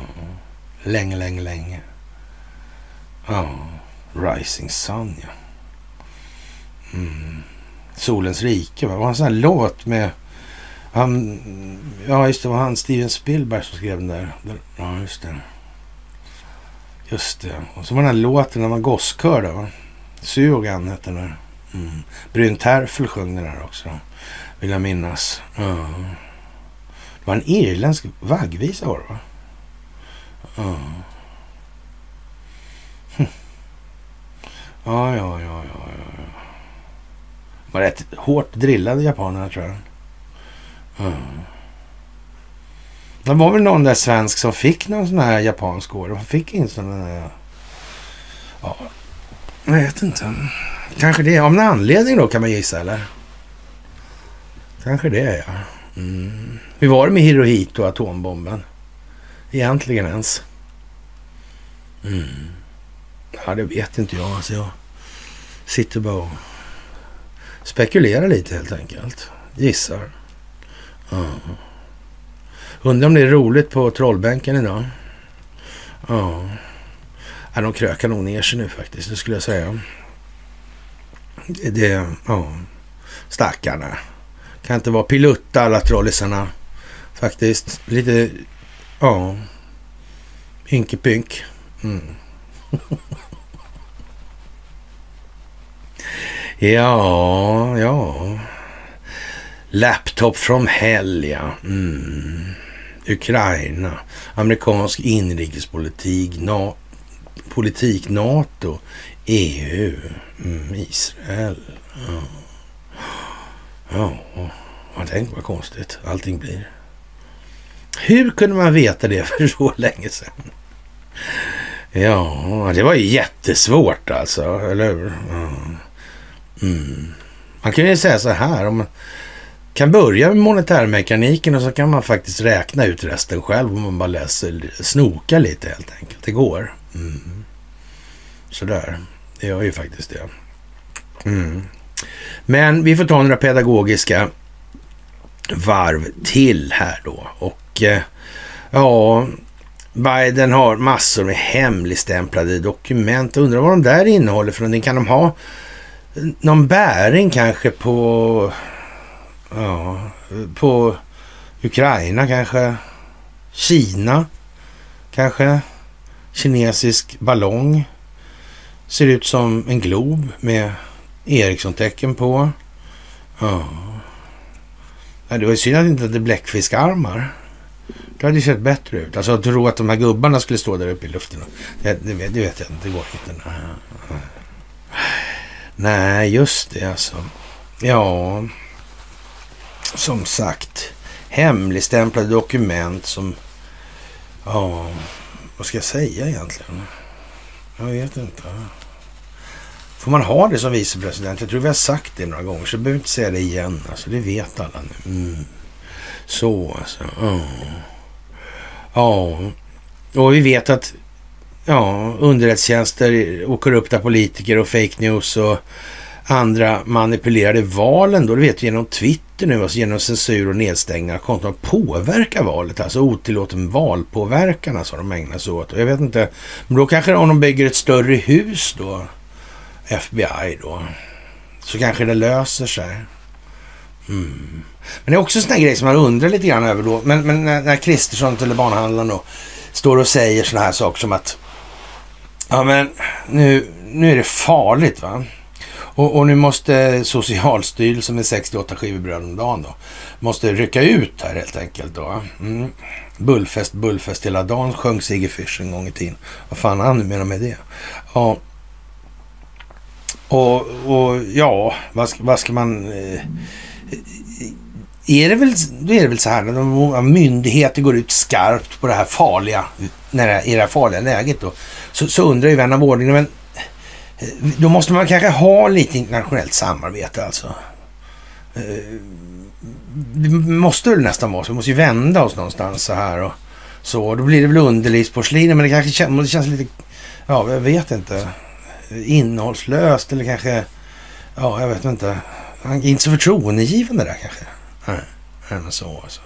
Och, och, vilka kan vi annars vända oss till? Finland har vi ju redan, det är ju redan vårt, så det, den behöver vi inte vända oss till. Liksom. Och, och norrmännen verkar inte... Och danskarna, nej, jag vet inte. De har ju förresten låtit dem avlyssna oss. Ja, just det. Det var det USA som gjorde det också. Fan också. Mm. Jag vet inte. Boris Johnson kanske vill... Nej, det vill han inte. Men Margot sa ju så här. Vi förlåter er aldrig, va, sa hon. Det sa hon, ja. ja. Men det var gällande EU där alltså. Just det, det var det ju. Mm. Och så var det något annat nu här hon var missnöjd över. Ja, jag vet inte fan hur det var alltså. Det var en grej till. Alltså. Oh. Var kanske någon som kommer ihåg. Oh. Ja, det här är ju riktigt tragisk historia alltså. Barnhandlaren som är så snäll. Oh.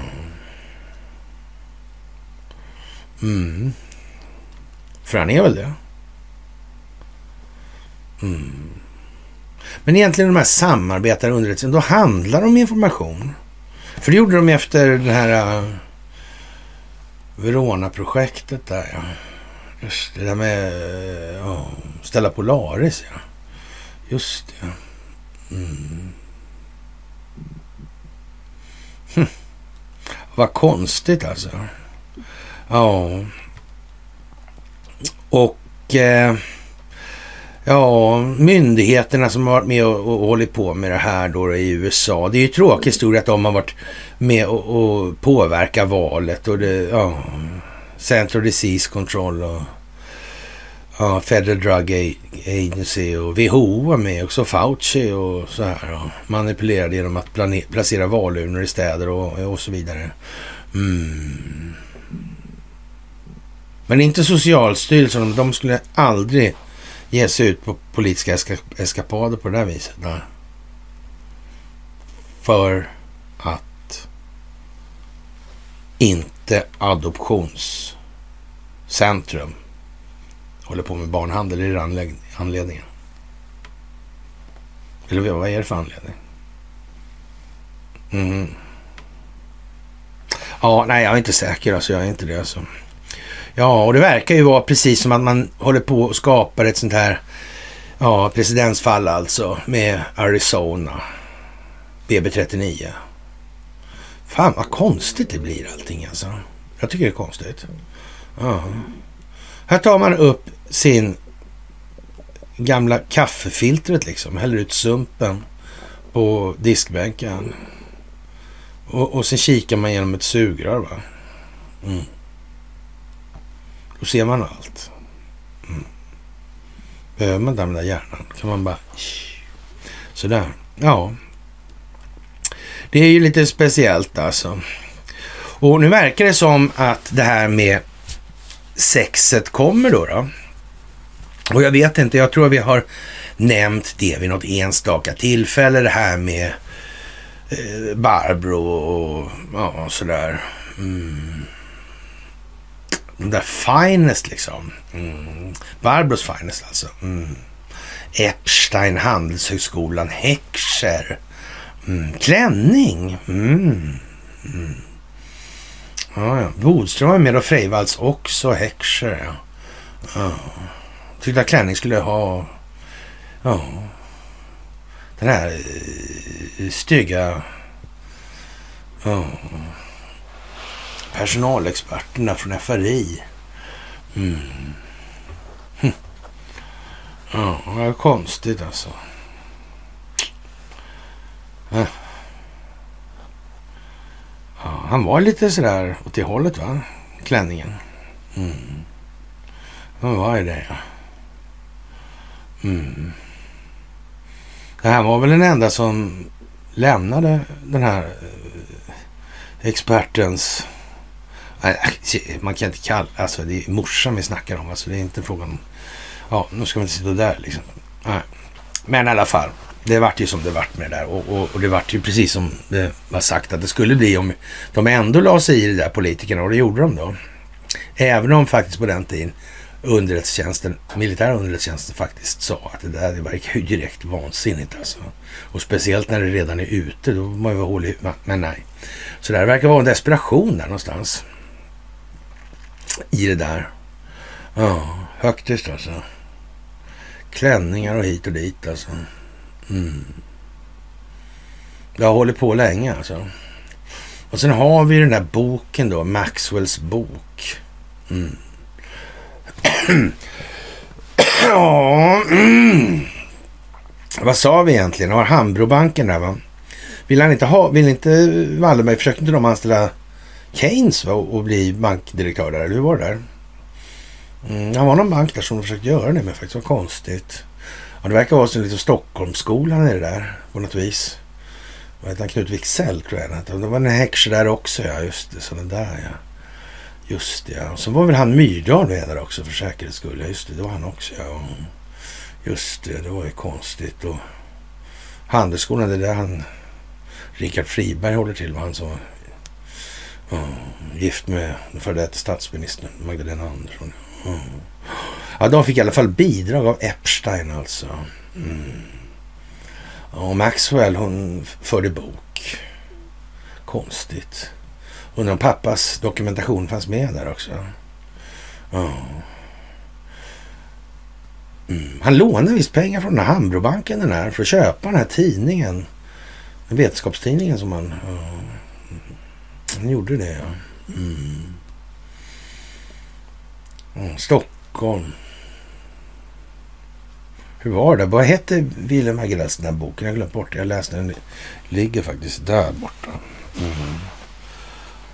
På ett nattduksbord där borta ligger den. Mm. Konstigt. Ja. Det var liksom ett centrum där. Var det tunnlar också? Men det var man... Alltså så lägga lågt med beskrivningarna av det där på något vis. Det är ju konstigt också tycker jag. Mm, undrar varför. För det finns ju tunnlar under Stockholm. Det är trångt under Stockholm säger man numera. Ja ja man gräver ju ända ner till 130 meter nu alltså. Mm. För att få fram tunnelbanan. Mm. Det är ju det liksom. Mm. Vad kommer det sig att ingen har pratat om dem där för? Tänk om det är någon som har gjort ritningar över det där. Mm. Tänk om det är någon som utifrån de ritningarna kan räkna ut en väldig massa olika händelseförlopp. Den ja, verkliga händelseförlopp kan man säga kanske. Mm. Så skulle det kunna vara. Mm. Fräckt alltså om man har gjort så. Undrar vilka det kan vara. Mm. Det kan man ju undra. Och man försöker nu förneka att det finns sådana här sexkulter, men i, i det fallet kan man ju säga så här att om man ska upp i den här hierarkin bland de här belästa busarna, ska det ju vara hållagsbeting på de här alltså. Ja, de har klänning och jag gänget då alltså. Mm. Det, det är ju lämpligt helt enkelt. Ungefär som katolska präster och sådana prylar. Ja. Det är liksom så. Mm. Men eh, de intelligenta ovanpå? Nej.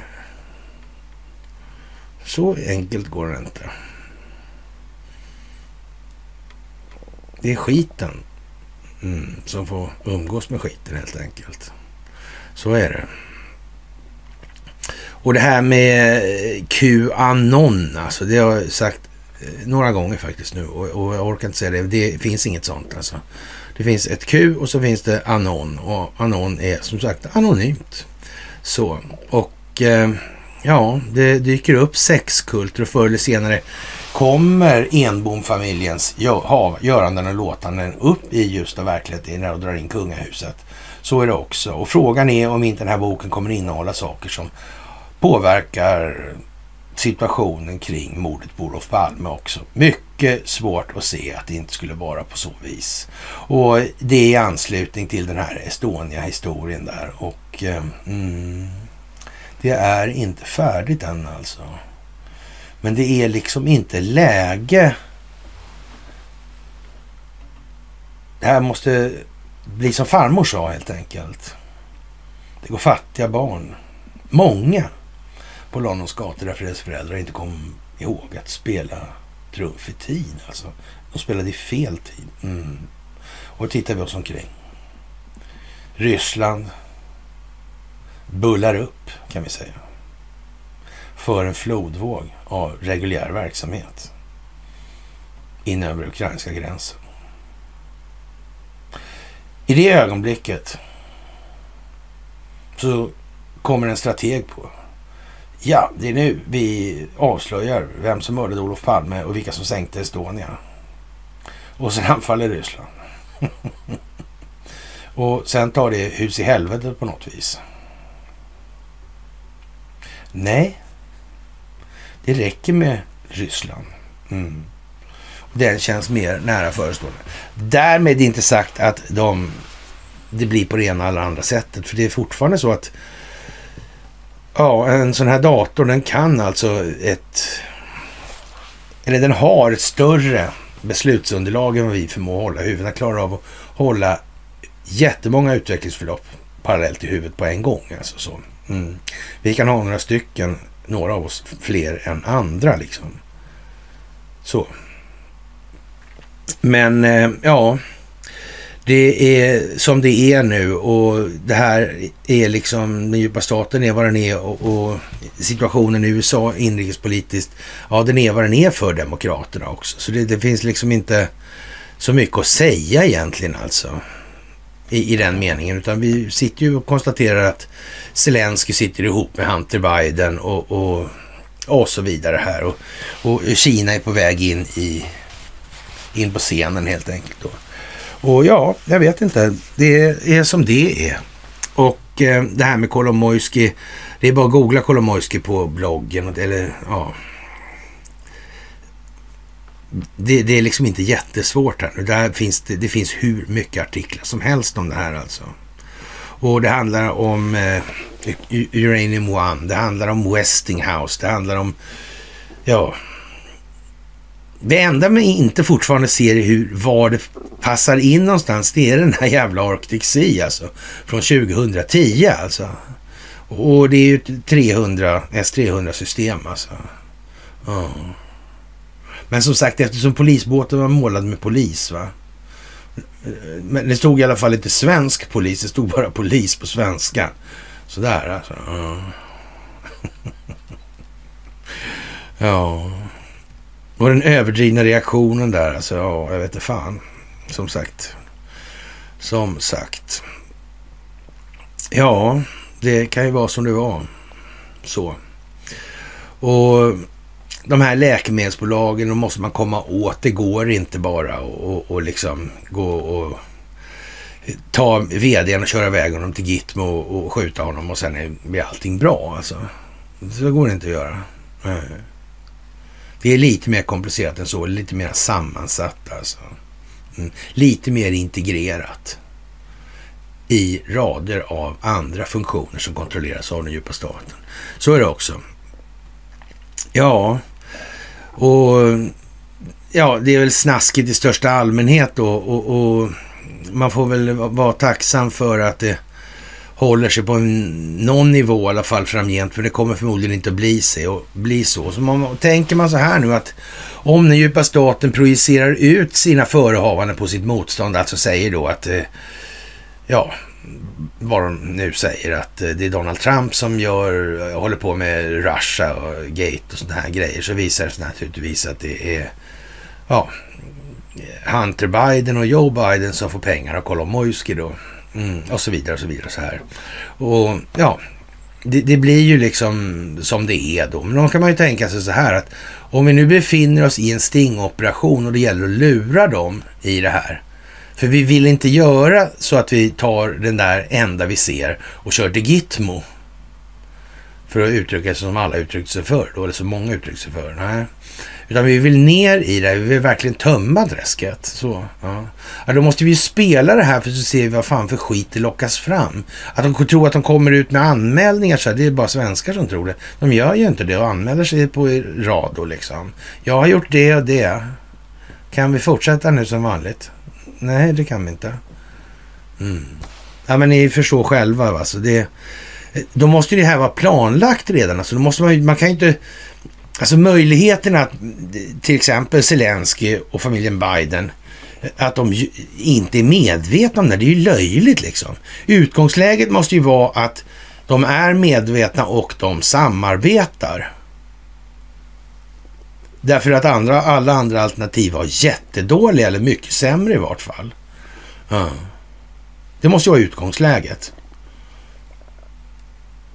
Mm. Och, och, är det inte så så blir det bara så mycket enklare liksom. Jaha, det var ju sen, då får skylla sig själv liksom. I så fall, ja. Det, det som ska göras ska ju göras i alla fall. Det handlar om folkbildning. Det handlar om upplysning till ledning, till vidare upplysning och ledning. Det är det det handlar om. Och ja, vad ska jag säga? NATO hotar Ryssland med krig alltså. Ja. Och det här med stridsvagnarna, det blir lite fånigt då naturligtvis. Och som sagt, de har ingen ammunition och det finns liksom inga underhåll. Det finns ingenting alltså. Och det här kommer bara brinna alltihop och bli precis som Ryssland säger alltså. Det kommer att bli en destruktionsapparat av allt det här. Ja. Och om, ja, det kommer ju om inte annat ske efter de här köttkvarnarna har dragit igång då, om det nu behöver gå så långt ens alltså. För det är trots allt som Donald Trump säger, det här förhandlar man bort och skapar fred på mindre än 24 timmar. Så är det också. Och då kan man ju tycka då, varför, om nu Donald Trump säger att han kan fixa det där på 24 timmar. Ja, vad är, vad är problemet? Varför duger han inte som före detta president? Jag tror det har varit före detta president som fredsförhandlare förr. Jag tror till och med det finns exempel på det faktiskt. Mm. Så det kan inte vara omöjligt alltså. Nej, just det. Det kan ju inte vara det alltså. Nej. Och ja, deltagande och finansiering av terrorgrupper ska förbjudas, föreslår regeringen. Mm. Men den där terrorgruppsklassningen, vad är det för någonting då? När är man en terrorgrupp egentligen? När är man med i en terrorgrupp och när man inte är med i en terrorgrupp? Var går gränserna någonstans? Mm. De är våldsbejakande kanske. Mm.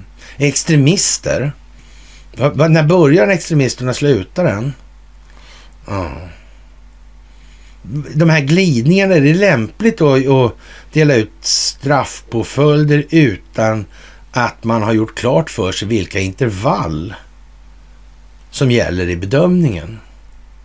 Alltså det är ju jävligt retoriskt frågat, jag håller med om det. Alltså, så, men mm, likväl så måste frågan ställas, det får fan finnas ett stopp här nu alltså.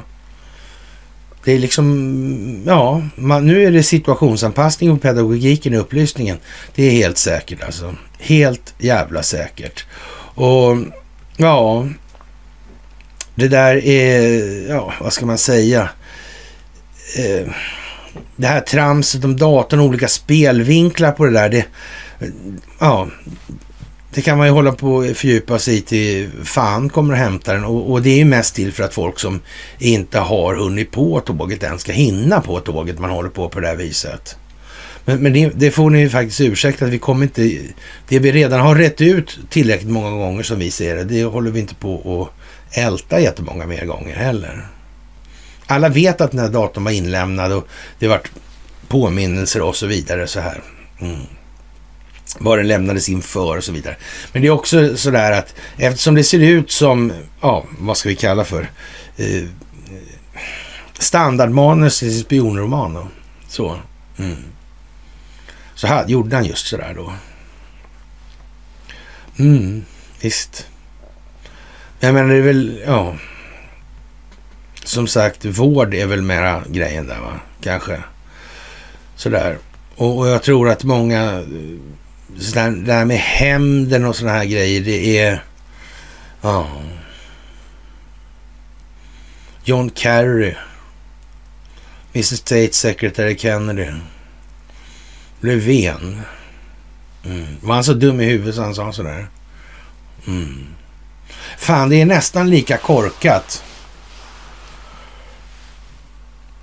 som Oleg Deripaska och pennan. Mm så här i efterhand med hänsyn taget till vad som har hänt i övrigt så kan ju ingen jävel tro att Stefan Löfven inte visste vad han gjorde exakt. Och det var ju inte ens något hot. Nej. Det var ju inte det.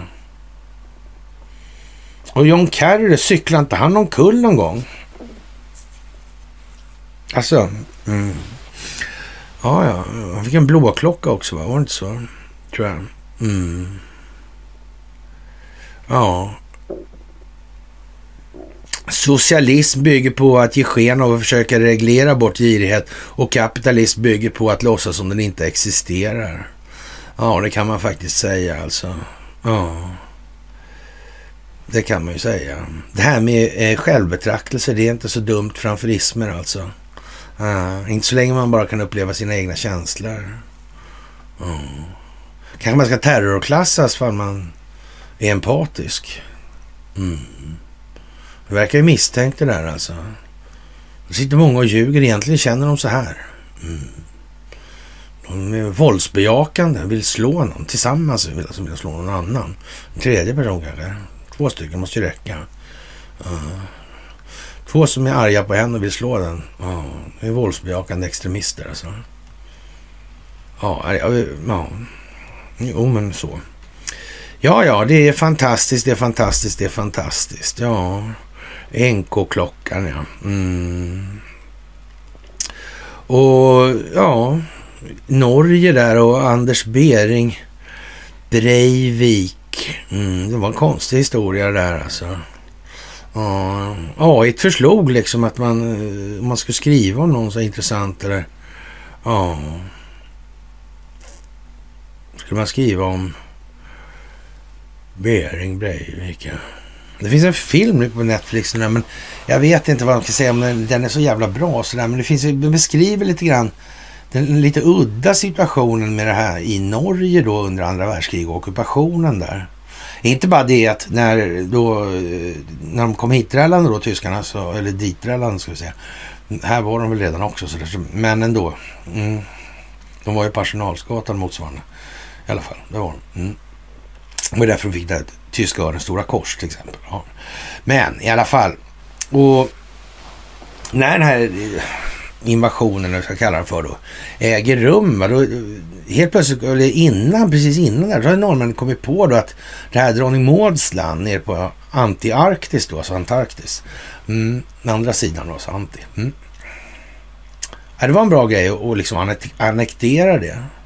Och i princip, eh, ja, åt andra hållet om det här invasionsgänget då, då. Då åker den här jävla båten Schwab en land. Ja, dit ner. Och för att leta reda på vad de har hållit på med, det är därför den här eh, operation High Jump, High Jump äger rum. Någon gång 46 där. Mm, med den Admiral Bird. Och, och massa udda grejer. Och det är klart att man ska ha ett forskningslabb som är rejält tilltaget och inte välbesökt sådär jättemycket folk då sådär. Ja, då blir det väl kanske där utanför Argentina. Lustigt nog så drog ju rätt mycket av de här nazisterna till Argentina och, och Chile.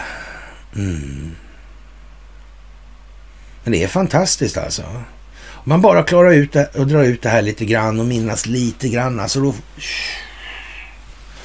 Ja.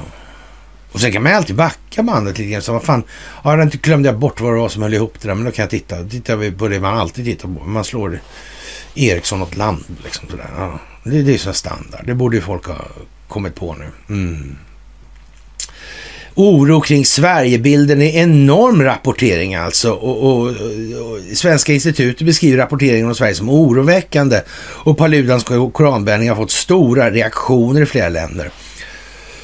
ja, jag vet inte. Det är Marcus Oskarsson, jag vet det fan alltså. Ja, det är Greta och Charlie Pictures fel, tycker herr Persson. Det, det eh, kan ju vara en del i saken i alla fall. Så, Mm. Även om jag tror att Investor har en lite större roll i den saken i, i grund och botten alltså. Och Riksrevisionen har bestämt sig för att granska Allmänna arvsfonden och det måste ju bli jättebra alltså.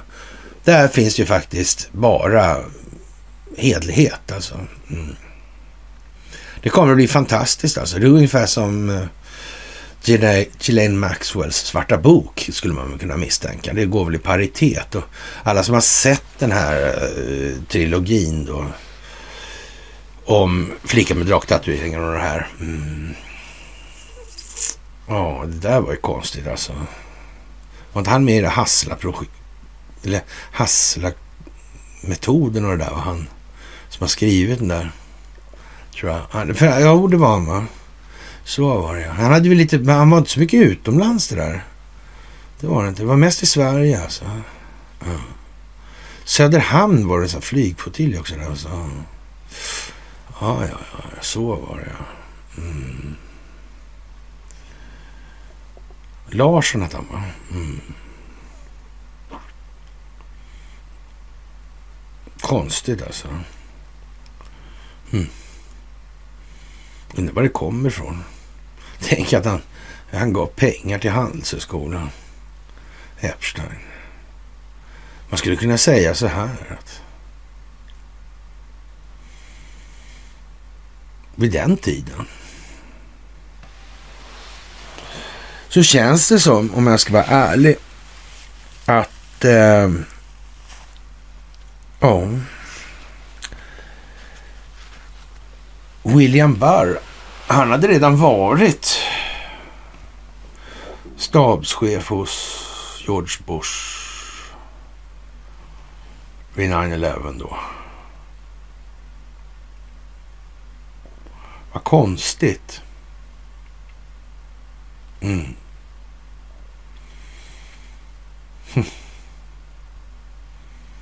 Ja, ja. Man vet ju inte.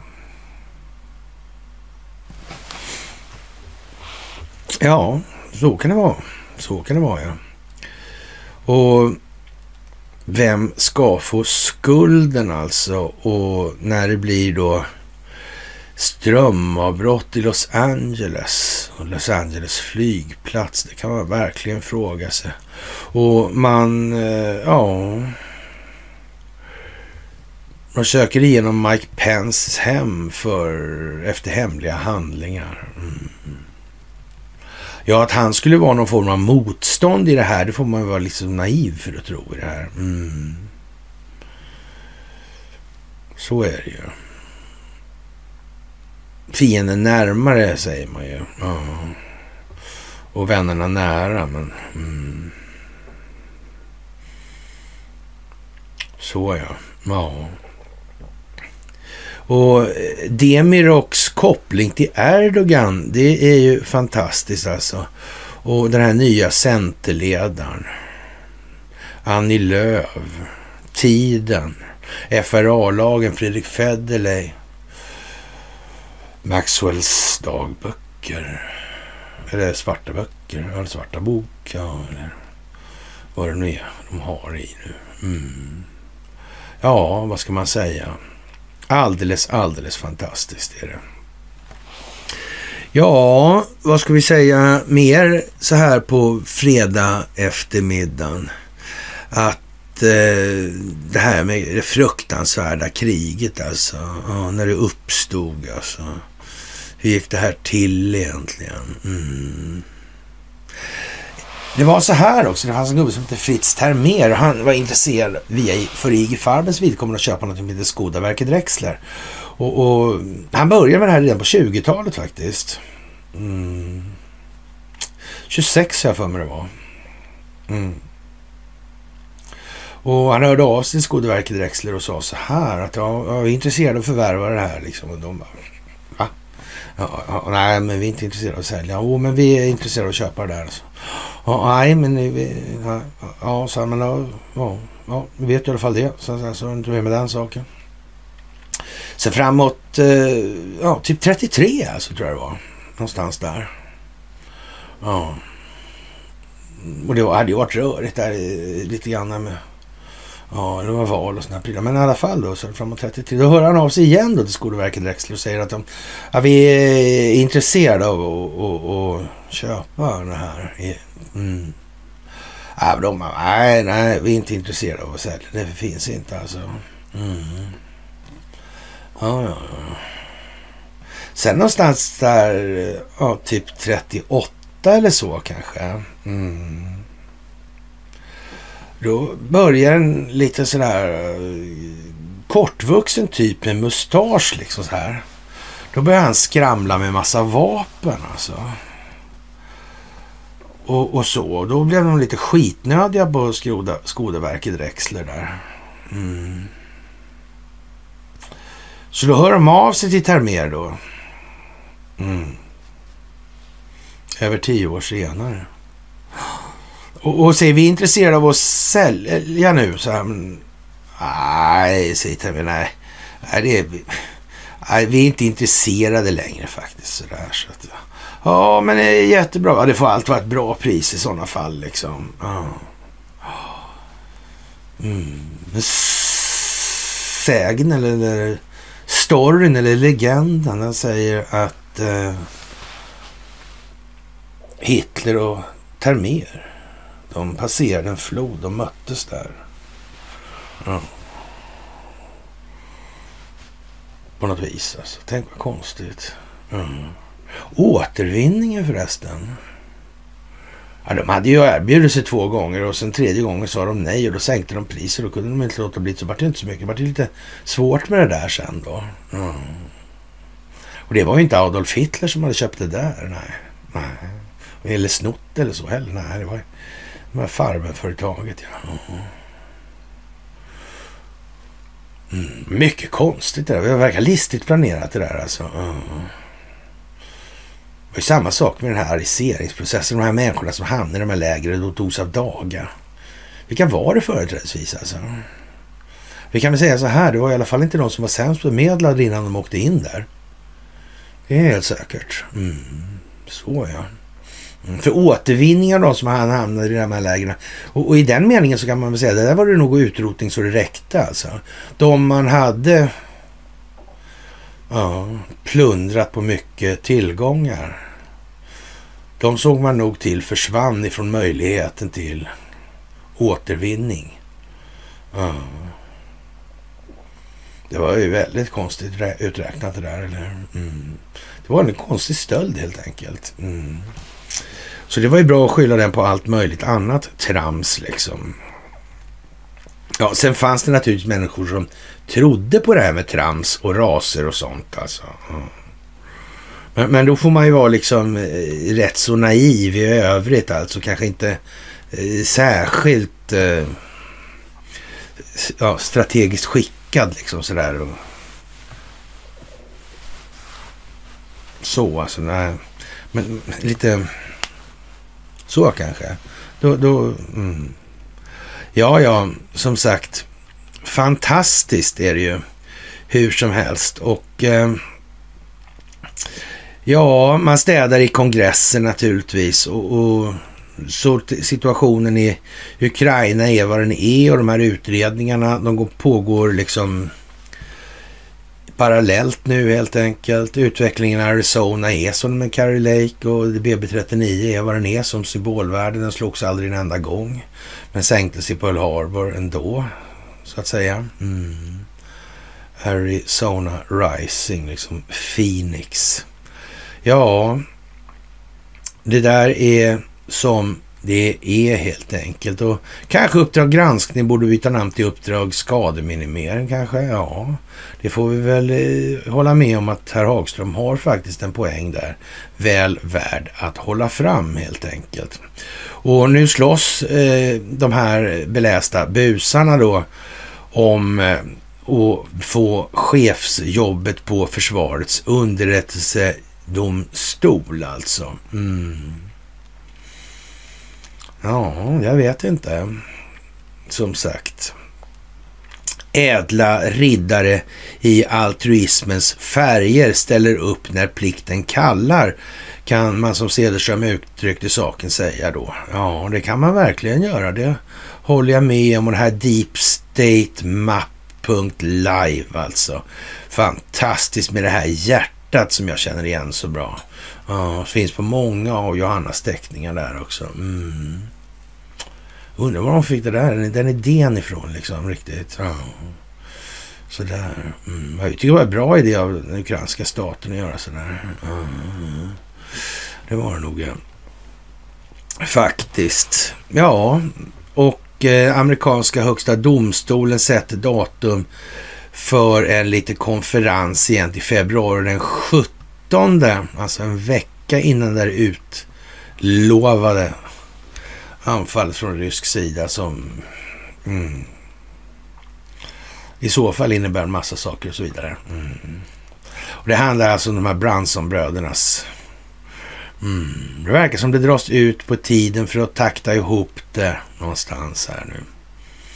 Mm. Nu ska allt ihop. Men som sagt, jag tror inte vi får Estonia och Olof Palme i... i uh, det kommer det som slå in här. Då ska det liksom vara färdigt ute. Sen stillare så där så vi får lugn och ro för våra känslor och vår självbetraktelse och den något eh, vilsna uppsyn vi möter när vi går ut ur våra sovrum och möter våra medmänniskor alltså.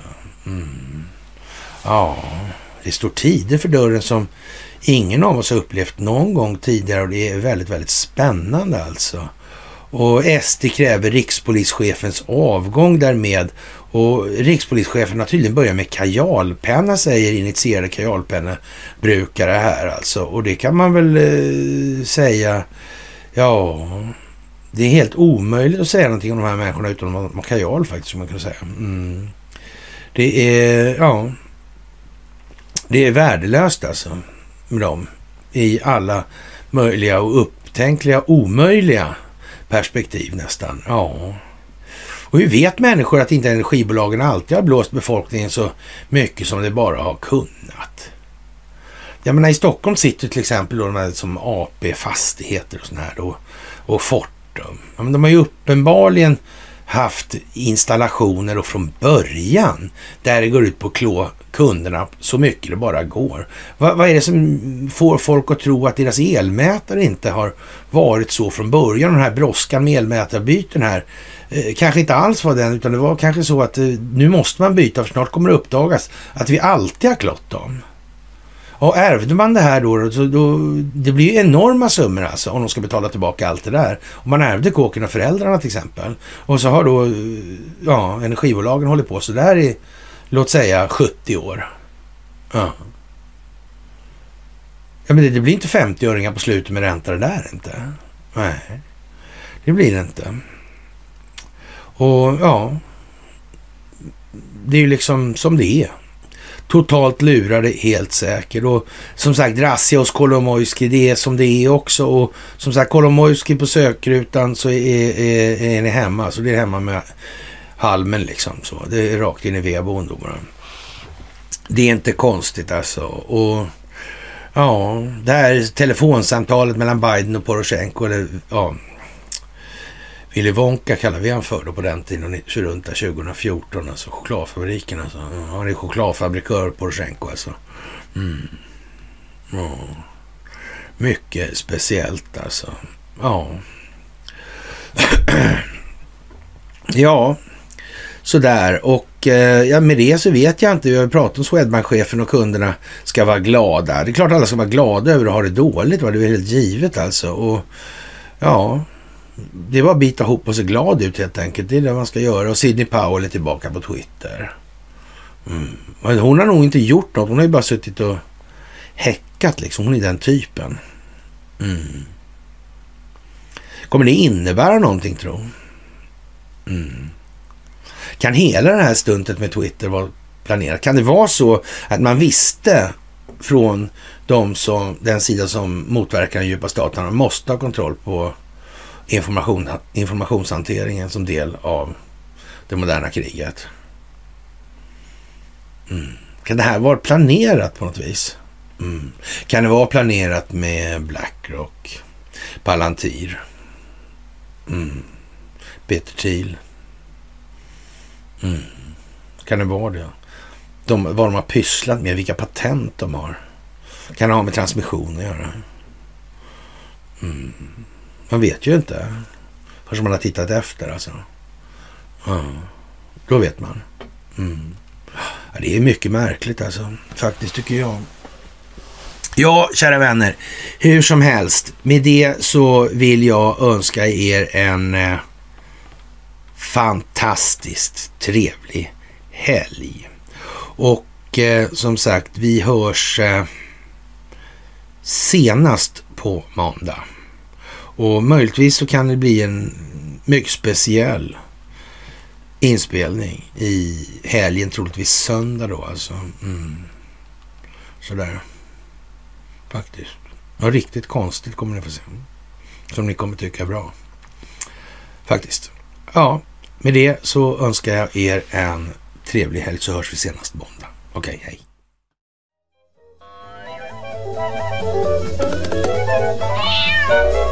Thank